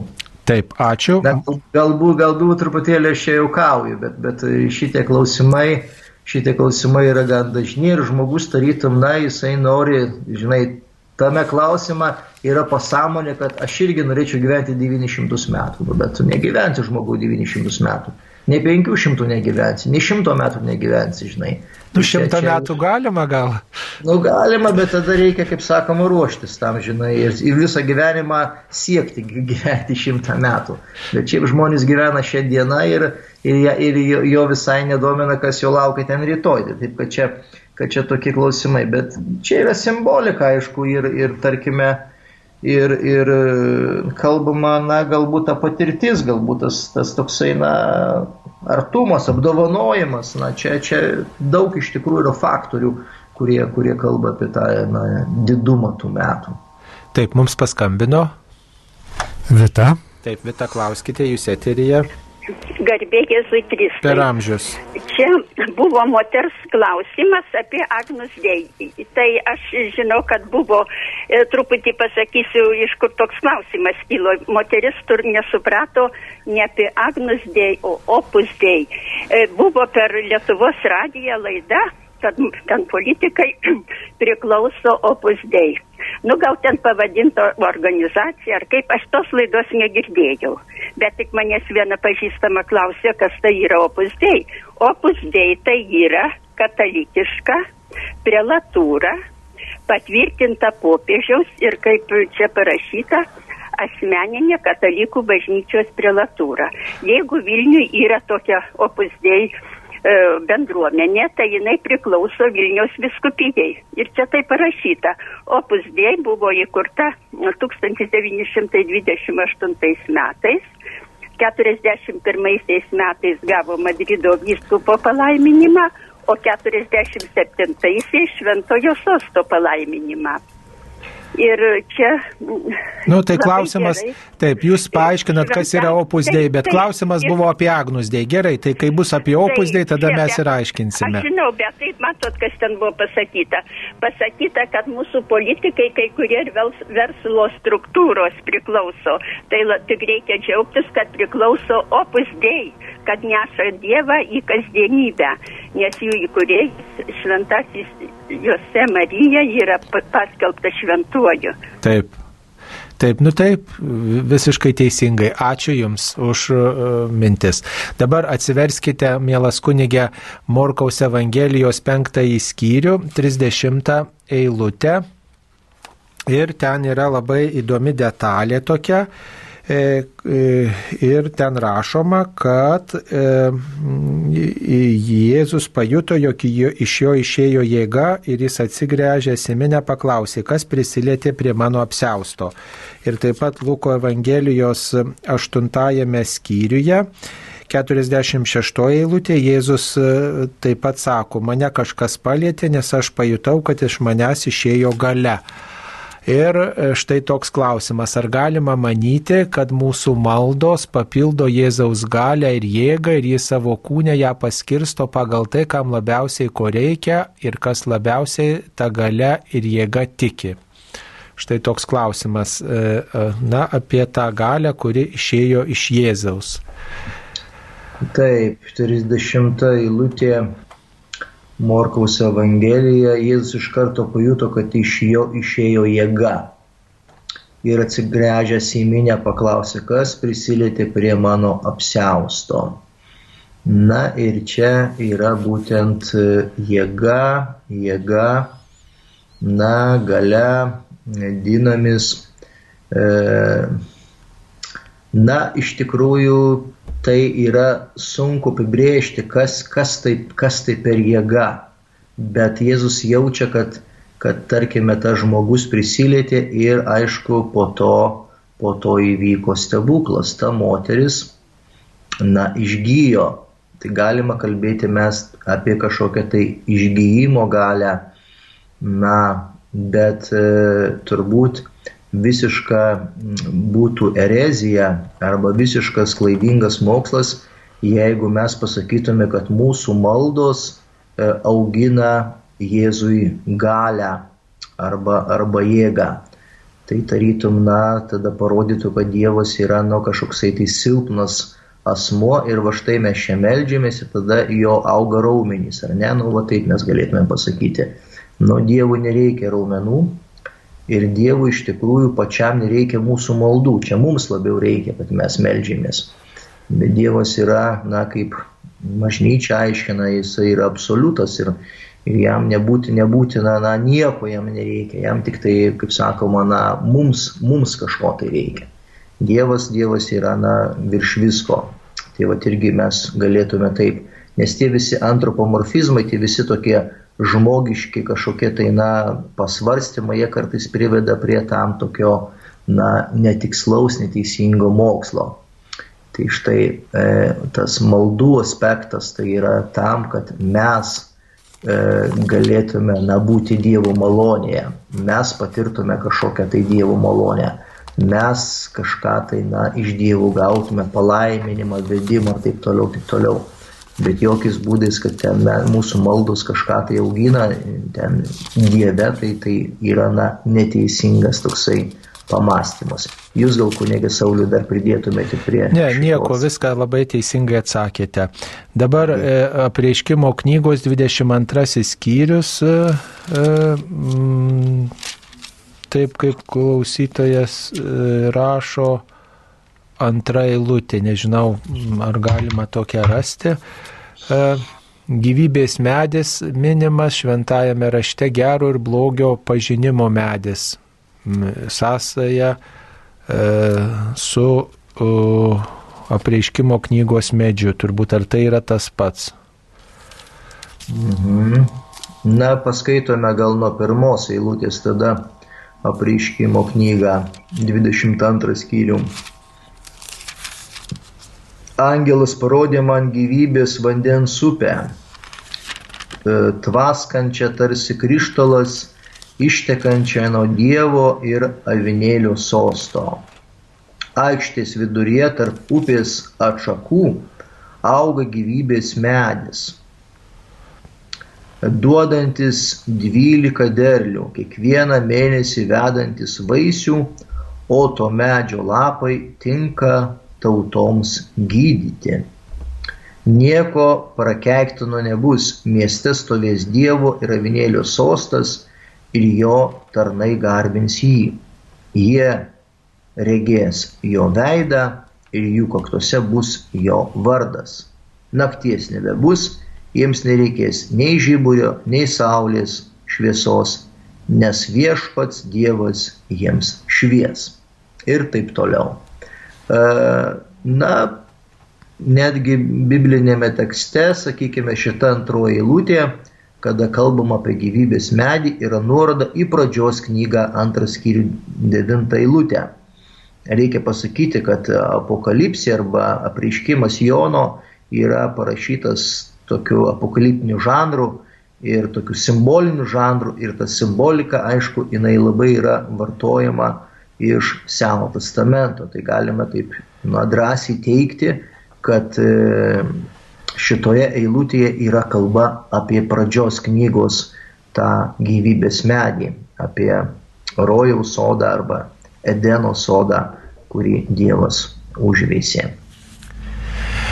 Taip, klausimas. Vakar buvo šventos agotos diena, šventino duoną ir vandenį, o kaip reikėtų pasielgti su pernai šventinta duona. Jeigu jinai nesupelyjo, ją galima suvalgyti, o jeigu jinai supelyjo ar kažkur jinai jau sukėtėjo, tiesiog ją ištirpinkite vandenyje ir išlaistykite ant augalėlių, štai vazonėlį turit gal kokį kambarėlį, išlaistykite, išmesti jokių būdų negalima. Jeigu ne, nėra kaip su, su, kur sunaikinti, galima sudeginti, bet reikia laikytis, kaip sakant, visų priešgaisrinių reikalavimų, kad nesukeltume gaisro. Tiesiog į krosnį galima įmesti šitą pašventintą duonytę, o šiaip tai geriausiai suvalgyti. Taip, mums paskambino. Teresė. Taip, Teresė, klauskite. Gavau iš Marijos radijos padėką, medalikėlį ir ma, parašytą maldelį, nuvenus malda. Ir melskimės ne, ne tik už save, bet ir už kitus. Nu ir aš melžiuosi rytą vakarą kartu su po tris tą maldelę. O ar reikia devynias dienas, kad nuvenus, kai melžims melktis ir daryti pertrauką. Na, tai galima turėti tokią intenciją melstis devynias dienas tą maldą ir tą specialią intenciją į, į, į, įvardinti. Tiesiog paskui po devynių dienų galima daryti pertrauką arba, pavyzdžiui, kitą intenciją sugalvoti čia, kaip jau mm, gerbiami klausytojai pasirenka. Tiesiog yra toks pamaldumas ir tą pamaldumą galima praktikuoti. Tiesiog tai yra kaip dovana, kaip supažindinimas mūsų mielų klausytojų, mūsų aukotojų su tam tikra pamaldumo tradicija ir priminimas, kad mergelė Marija ypatingai mus globoja ir mes esam kviečiami tuo ar kitų pamaldumu e, pagerbti mergelę Mariją, ypatingą žmogų mūsų, e, e, taip sakant, tikėjimo kelyje. Taip, dar viena žinutė.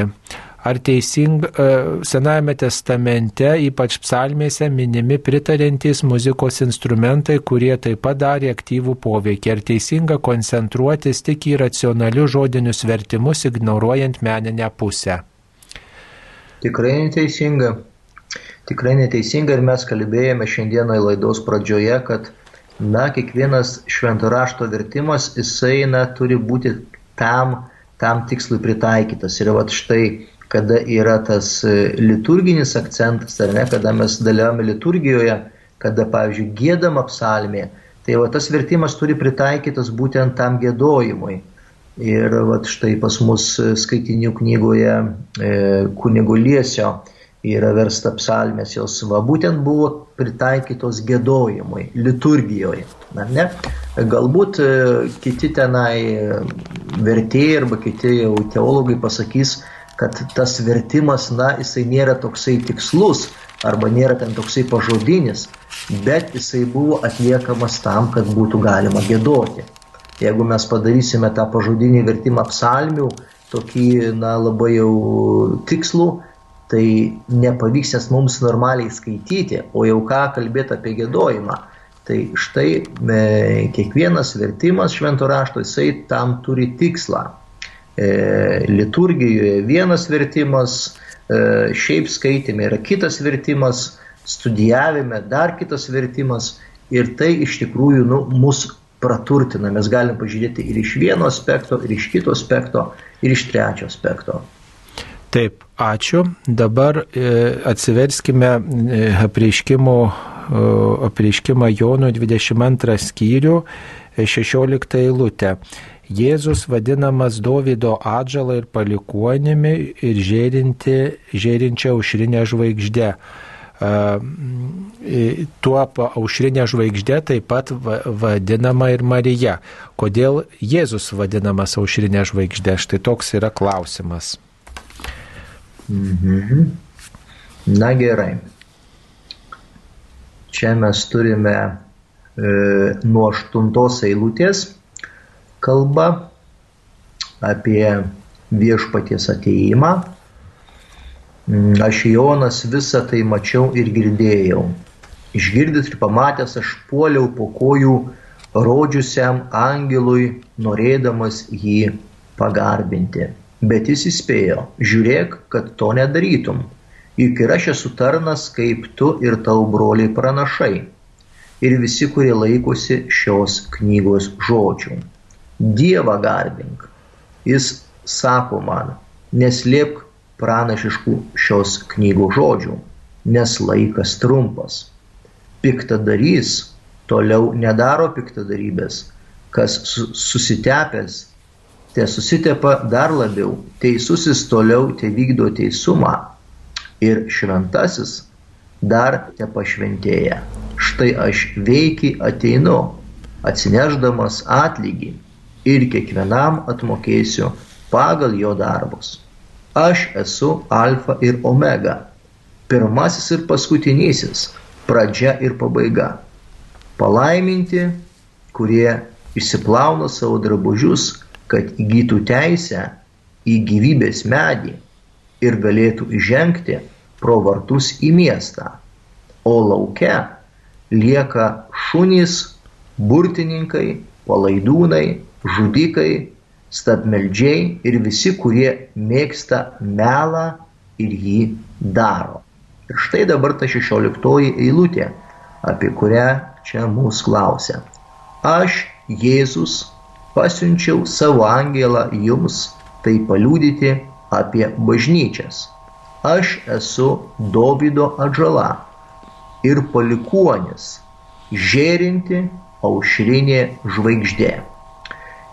Taigi vėl mes susidurėme su ta Seno testamento simbolika ir čia yra cituojamas arba paimta simbolika iš pranašo Izaijo iš 11 skyriaus pirmosios ir dešimtosios eilutės. Ir štai pirmoje, e, pirmoje eilutėje kalba apie Davido atžalą, o dešimtoji eilutė kalba apie žėrinčią aušrinę žvaigždę. Ir iš vis pranašo Izaijo 11 e, skyrius kalba na, apie ateisintį mesiją. Taigi apreiškimo Jono e, autorius remdamasis tą Seno testamento kalba, Seno testamento na, simbolika, e, Dovido atžala ir aušrinė žvaigždė nori pasakyti, kad Jėzus yra tas išlauktasis, išsvajotasis mesijas, kuris turėjo atpirkti Izraelį. Štai tokia būtų šios eilutės interpretacija. Bet kodėl dar e, su Marija tapatinama taip pat aušrinė žvaigždė, štai čia švento rašto ištrauko tradicijoje nu, ir taip pat su Marija tapatinama. Na taip, e, šventame rašte turbūt nesurasime gal, kad Marija yra aušrinė žvaigždė, bet e, tradicijoje, liaudės tradicijoje, pamaldume mes tą galime surasti, nesutikti. Tai yra taip pat Marijai priskiriami tam tikri charakterio bruožai, na, kurie yra aprašyti na, Biblijoje. Ir, ir jeigu mes pasakysime, kad Marija aušrinė žvaigždė, ar ne, tada mes užduodame klausimą, kas ta yra aušrinė žvaigždė, kuri sušvinta, ar ne, kuri kažkokia tai yra ryški. Ir tuomet galim pasakyti, na taip, Marija atitinka šitą charakteristiką, nes jinai sušvito e, žmonijai, nes jinai padovanojo pasauliui būtent išganyto Jėzų Kristų. Tai čia jau per tokią galbūt teologinę irgi tokią prizmę mes galime kalbėti apie Mariją kaip apie aušinę žvaigždę. Bet ne nesijant ją su pranašu Izaijo 11 skyriu 10 eilute. Čia labiau jau yra toksai teologinis diskursas. Taip atsiverskite dabar Luko Evangelijos 6 skyrių, 31 eilutė. Visa, ką jūs norite, kad jums darytų žmonės ir jūs patys jiems darykite, tai yra įstatymas ir pranašai, kaip tai suprasti. Štai toks klausimas, o aš pamėginsiu dar atsakyti e, į vieną klausimą apie kvadragenus. Dar čia štai klausytojai primena, kad kvadragenai tai yra 40 dienų atlaidų, 7 kvadragenos tai yra 280 dienų atlaidų. Tai noriu priminti mėlyjam klausytojams, kad po antro Vatikano susirinkimo e, atlaidai neskaičiuojami dienomis yra arba visuotiniai atlaidai, arba daliniai atlaidai. Tai va tie visos tos pamaldumo praktikos, jeigu mes štai ten kažkokias maldas kalbam ir senose maldaknygėse yra už tai skiriama tam tikros e, dienų skaičius atlaidų, tai yra dabar e, suprantama, kad tai yra daliniai atlaidai ir yra visuotiniai atlaidai, tai yra pilnas e, bausmės už mūsų nusi, nusidėjimus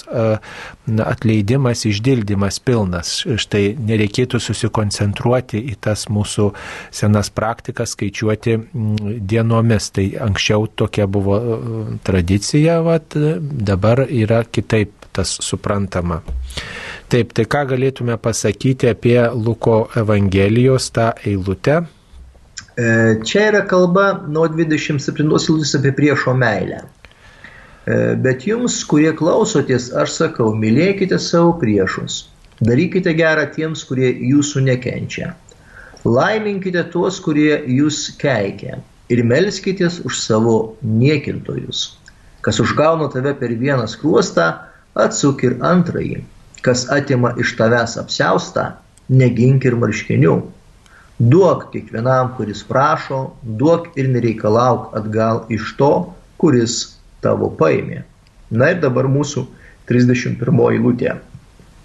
Kaip norite, kad jums darytų žmonės, taip ir jūs darykite jiems.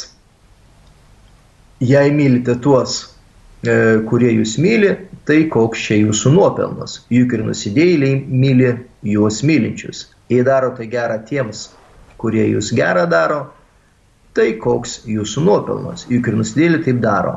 Jei skolinate tik tiems, iš kurių tikitės atgausia, koks jūsų nuopelnas. Juk ir nusidėlį skolina nusidėlėms, kad atgautų paskolą. Bet jūs mylėkite savo priešus, darykite gerą ir skolinkite nieko nesitikėdami. Tuomet jūsų lauks didelis atlygis ir jūs busite aukščiausio vaikai. Jūs, jis maloningas ir nedėkingiesiems ir piktiesiems.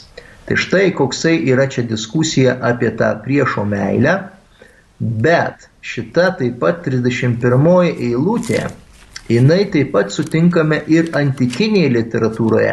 Ne vien tik tai šita vat mintis, kaip norite, kad jums darytų žmonės, taip ir jūs darykite jiems.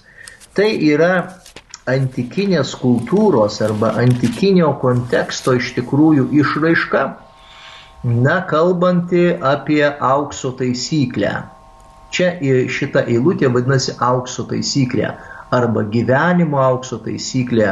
E, ir ne tik tai mes e, ją e, turime Evangelijoje, bet taip pat ir antikiniuose raštuose mes sutinkame daugiau mažiau tokio pačio turinio eilutę. Ir tai yra, kaip sakoma, na, kelias. Kelias į gyvenimą, kelias į darybę ir kelias į amžinybę. Reikia taip elgtis gyvenime e, su kitais žmonėmis, kaip norėtum, kad ir su tavim būtų elgiamasi.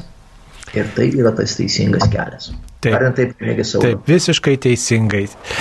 Ar e, e, klausimas apie apokrifus, štai ta, tuos pamaldžius raštus, kurie neįėjo į švento rašto kanoną, kurie nepra, nepripažinti, kad yra įkvėptieji, kiek juose yra tiesos? Na, tiesa turbūt yra, pilna yra tiesa, tik tai, kad, tarkime, tas vatrašymo būdas, ką mes ir, irgi kalbėjome, e, kaip autorius iš tikrųjų na, pateikia istoriją, tą išganimo istoriją, biblinę istoriją, Jėzaus tenai viešosios veiklos istoriją arba vaikystės istoriją, na, jisai pateikė per tam tikrą literatūrinį žanrą. Ir tarkime, kai kurie tenai kai kurie pasakojimai, na, jie tokie yra išplėsti, kurios, kurių nėra prašyta, na, Evangelijose, bet šiaip mes negalim pasakyti, kad apokrifai yra kažkoksai tai klaidingas mokslas arba kažkoksai tai perdėtas mokslas, kažkas tai, nu, netinkamo, tai negalima taip sakyti. Tik tai, na, ten buvo pasirinktas, na, toksai rašymo būdas, galbūt, na, parodyti labiau tą Jėzaus tokį dieviškumą, Jėzaus nepaprastumą, na, įvairiausiamis istorijomis. Ir kai kurios istorijos galbūt truputėlį dabar mūsų ausiai būtų juokingos, bet, e, tarkime, nieko ten nėra e, blogo arba nieko nėra neteisingo. Ir kada studijuojame dabar šventą raštą ypatingai, tai apokrifiniai raštai, apokrifinės evangelijos, apokrifiniai laiškai iš tikrųjų jie labai atveria kontekstą ypatingai to švento rašto tyrinėtojai. Tai dabar neįmanoma apsėti be apokrifinių tekstų. Kuris pirmasis nusidėjo Adomas ar Jėva? Ar Adomas, kuris nesaugojo sodo ir buvo šalia Jėvos, ar Jėva, kuri ėmė čia klausytojai rašo obolį, nors taip negalime turbūt sakyti, reikėtų sakyti vaisių iš žalčio, nes obolį tai čia yra menininkų interpretacija, bet ne biblistų. Mhm, bet reikia atkreipti dėmesį, kad mes turime labai e, kažkaip tai įsiklausyti vat, į bažnyčios mokymą, ar ne? Sako pirmųjų tėvų nuodėmė, ar ne? Arba pirmųjų tėvų nuopolis. Tai ką tai reiškia? Tai reiškia, kad abu jie tą padarė.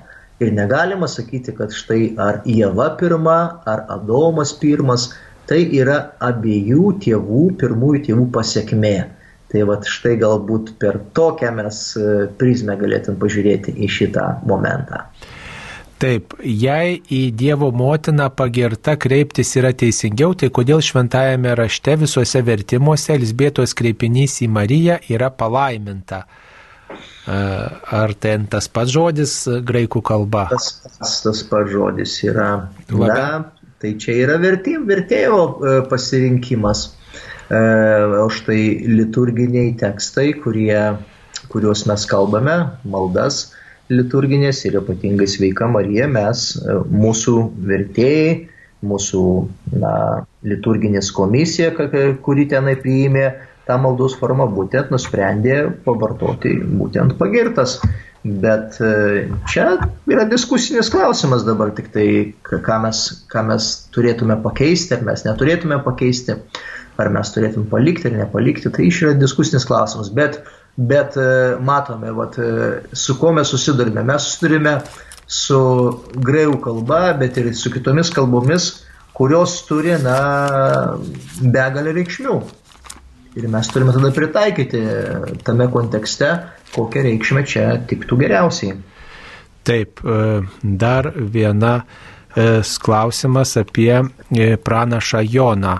Ar Jonos buvimą banginio pilve reikia suprasti tiesiogiai? Mhm. Na, gal labiau būtų, būtų ta tokia perkeltinė prasme.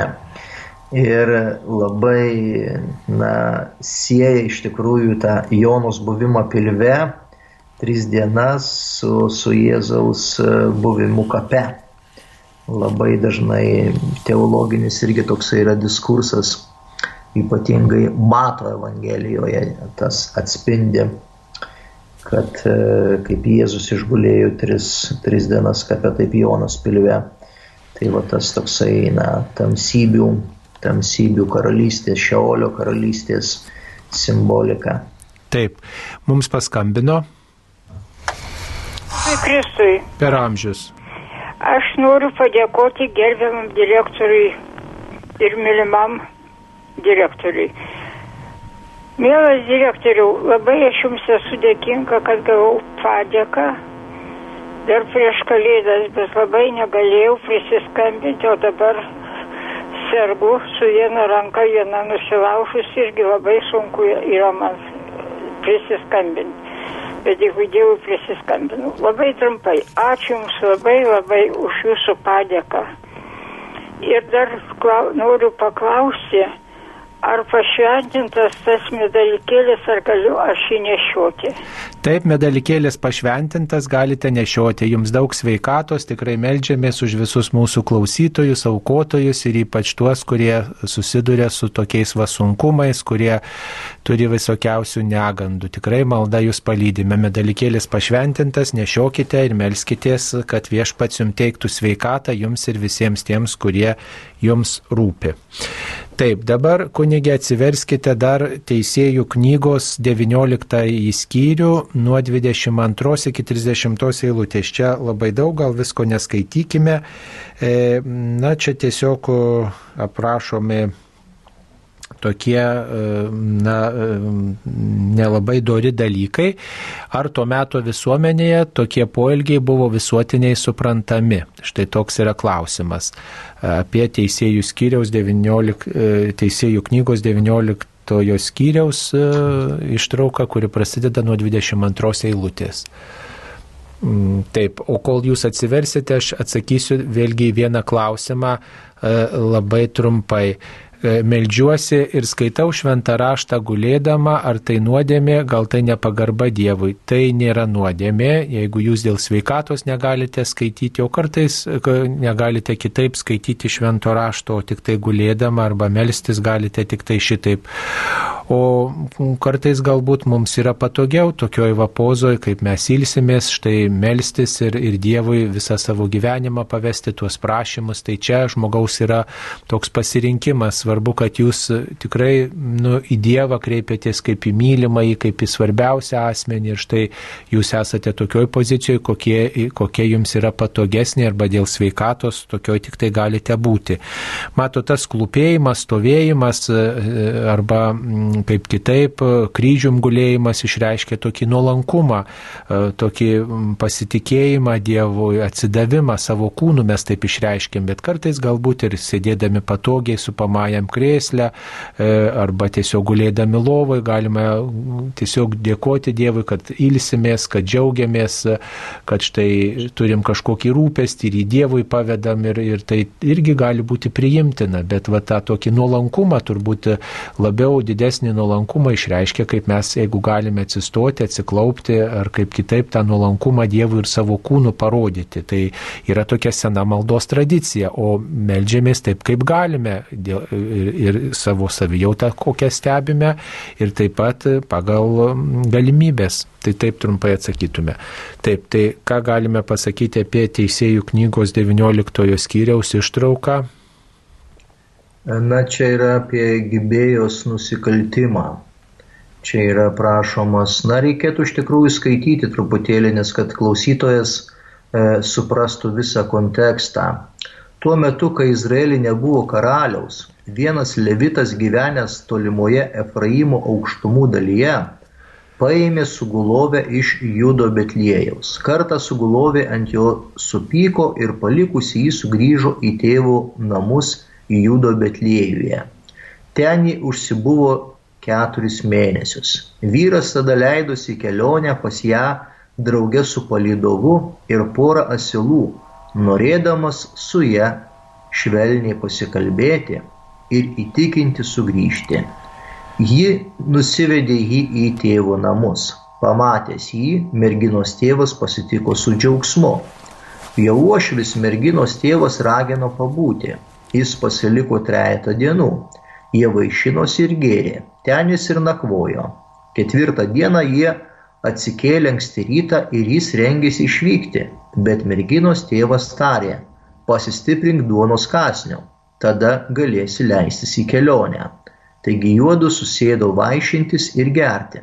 Merginos tėvas vyrui sakė, prašau būti mano svečiu, pernakok ir pasidžiaug.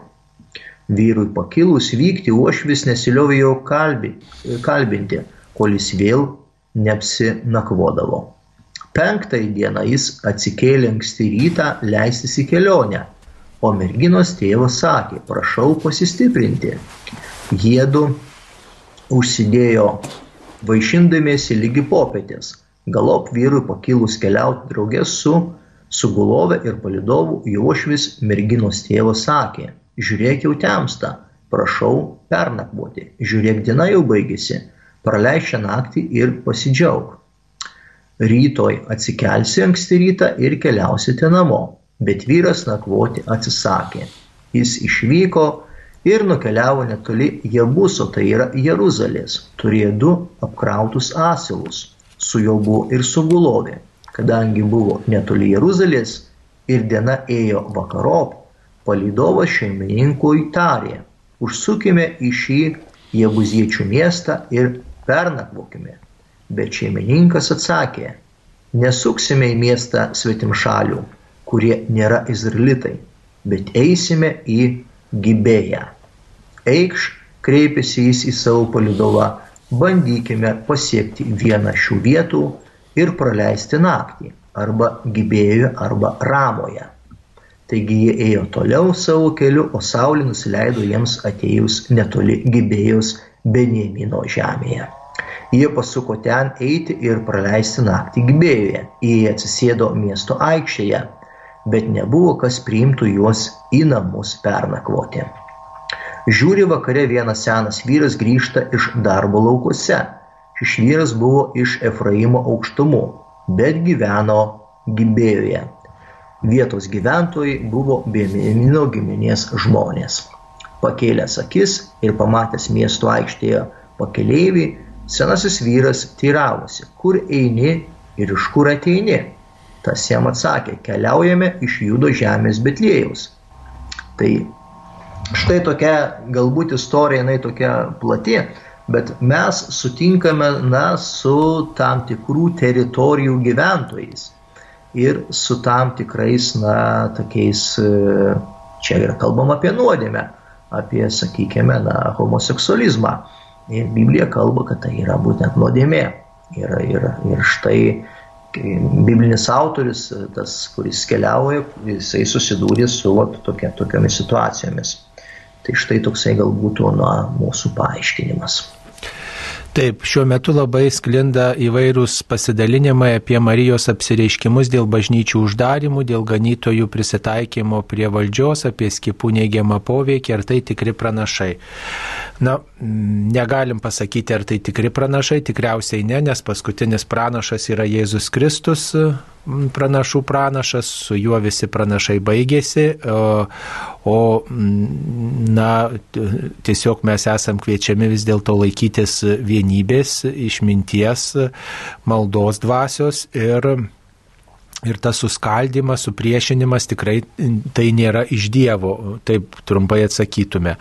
Ir dar vienas klausimas, kodėl Biblijoje prašomi geri ir teisingi įvykiai yra aiškinami tiesiogiai, o tie, kurie nesutampa su bažnyčios politika, yra interpretuojami kaip metaforos. Ar tas kunigė pastebime, pastebite jūs tą e, tokį Aš, dalyką? ne, aš tai nepastebiu. Nežinau. Taip, e, tai e, turbūt visi švento rašto tekstai gali būti aiškinami ir tiesiogiai, ir taip pat gali būti aiškinami ir perkeltinė prasme, dvasinė prasme, visi turbūt tekstai. Gal kunigė Sauliau reikėtų kitaip pasakyti, kad tarkime, na, tie, kaip Jėzus kalba, palyginimais, ar ne? Na tai e, palyginimo mes negalime interpretuoti tiesiogiai, nes tai yra palyginimas. Tai mes turime ieškoti tos vat, simbolikos. Bet tarkime, ten kiti pasakojimieji įvykiai, tai mes galime interpretuoti tiesiogiai.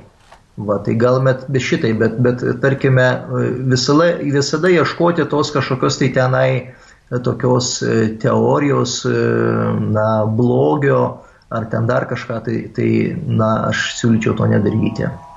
Taip. Dabar apie Jokūbą ir Joną. Jie pavadinti griaustinio sūnumis. Gal tai turėjo o, o, minty e, tie, kas pano juos taip charakterio būdą, tokį išskirtinį. Būtent, būtent Bonargės. Bonargės reiškia būtent griaustinio vaikai, griaustinio sūnus, tai reiškia, kad na, jie turėjo tokį na, stiprų, stiprų temperamentą, mes galėtume pasakyti.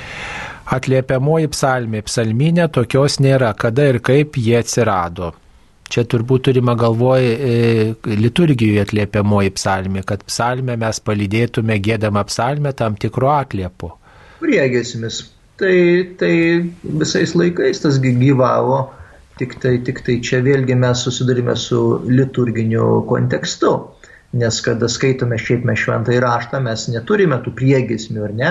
Bet kada, tarkime, dalyvaujam liturgijoje, kada ta psalmė įgauna jau gėdojimo išraišką, tai štai, kad e, būtų įsijungimas tautos, tai štai yra, yra na, tie priegesmiai prirašyti. Bet jie taip pat yra psalmė žodžiai. Ir yra natūralu, nes kartais e, sutinkame, kad jungiamas, sakykime, du tekstai vienas e, iš psalmės tekstas su kitu ir tai yra tautos malda. Taip, ir pabaigai e, prašo mūsų pakomentuoti Mato Evangelijos penktąjį skyrių 39 eilutę, nesipriešink piktam. E, taip, toks yra prašymas, Mato Evangelijos penktasis skyrius 39 eilutė. Taigi, e, ir dabar dar vienas klausimas, kol kunigas suras šitą eilutę, kurių filosofų knygas verta skaityti, ypatingai katalikui. Na, tai sakytume krikščionių filosofų, skaitykime mūsų e, Šalkauskį, Maceiną, skaitykime e, taip pat tuos filosofus, kurie štai tą krikščionišką mintį palaiko. Taip, tai kunigė jūs turbūt jau atsivertėte. Tai vėl mes skaitome priešo meilę, tik tai dabar priešo meilė yra redakcija mato, o ne Luko, kaip nesenai čia skaitėme. Ir štai koksai yra kontekstas nuo 38 eilutės. Jūs esate girdėję, jog buvo pasakyta akis už akį ir dantis už dantį. O aš jums sakau, nesipriešink piktam, bet jei kas tave užgautų per dešinį skruostą, atsuk jam ir kitą. Čia vat yra interpretacija arba Jėzus aiškinimas būtent, na, to mm, toros arba šitas e, įsakymas akis už akį, dantis už dantį, tai yra jūs tolijonis, tai yra tas toksai lygybės įsakymas, ne? Ir Jėzus moko visai kitaip. Jėzus nesako, kad tu turi atiduoti blogį už blogį arba gėrį už blogį. Gėrį už gėrį.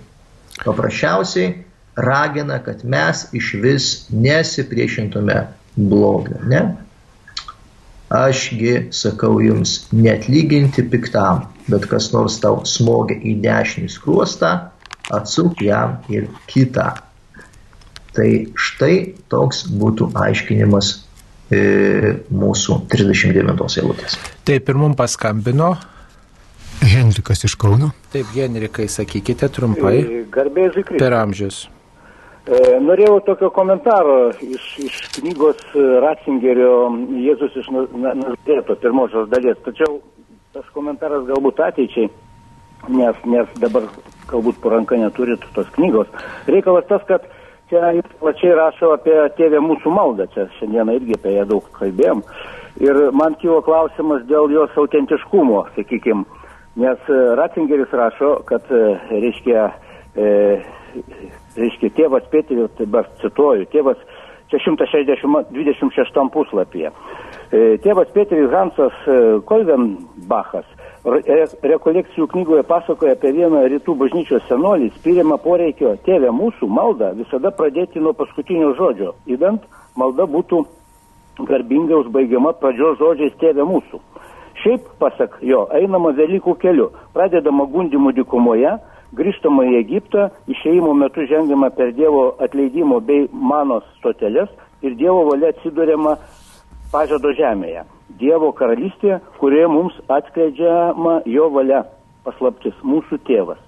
Tai vienu žodžiu čia ateičiai tas klausimas būtų, kad, kad reiškia, mintis tokia, kad mes vis tik tai teigiam, sakykim, tikim ir kad, kad, kad ta malda tėvė mūsų grinai, nors ten graikų kalba užrašyta, kiek, jeigu aš neklystu, neramėjų, kad ji buvo tarsi iš, iš reiškia, Kristaus lūpų, o Ratzingerio knygoje kažkaip tai perša tokių minčių, kad galbūt e, pirmųjų krikščionių, galbūt ir vat, Pauliaus laiškose čia aš pasižymėjęs esu, kad, kad jis e, laiškė korintiečiams raginama atleisti taip, kaip ir mes atleidžiame.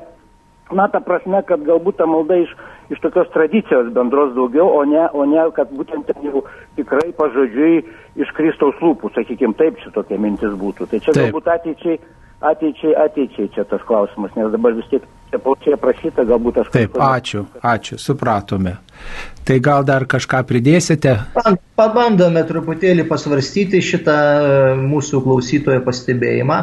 Iš tikrųjų, tai Benedikto XVI ten trijų tomų e, knyga Jėzus iš Nazareto lietuvių kalba, tai yra pati nuostabiausia knyga, kas liečia šventąjį raštą ir, ir komentarus ir visus raginu skaityti ją.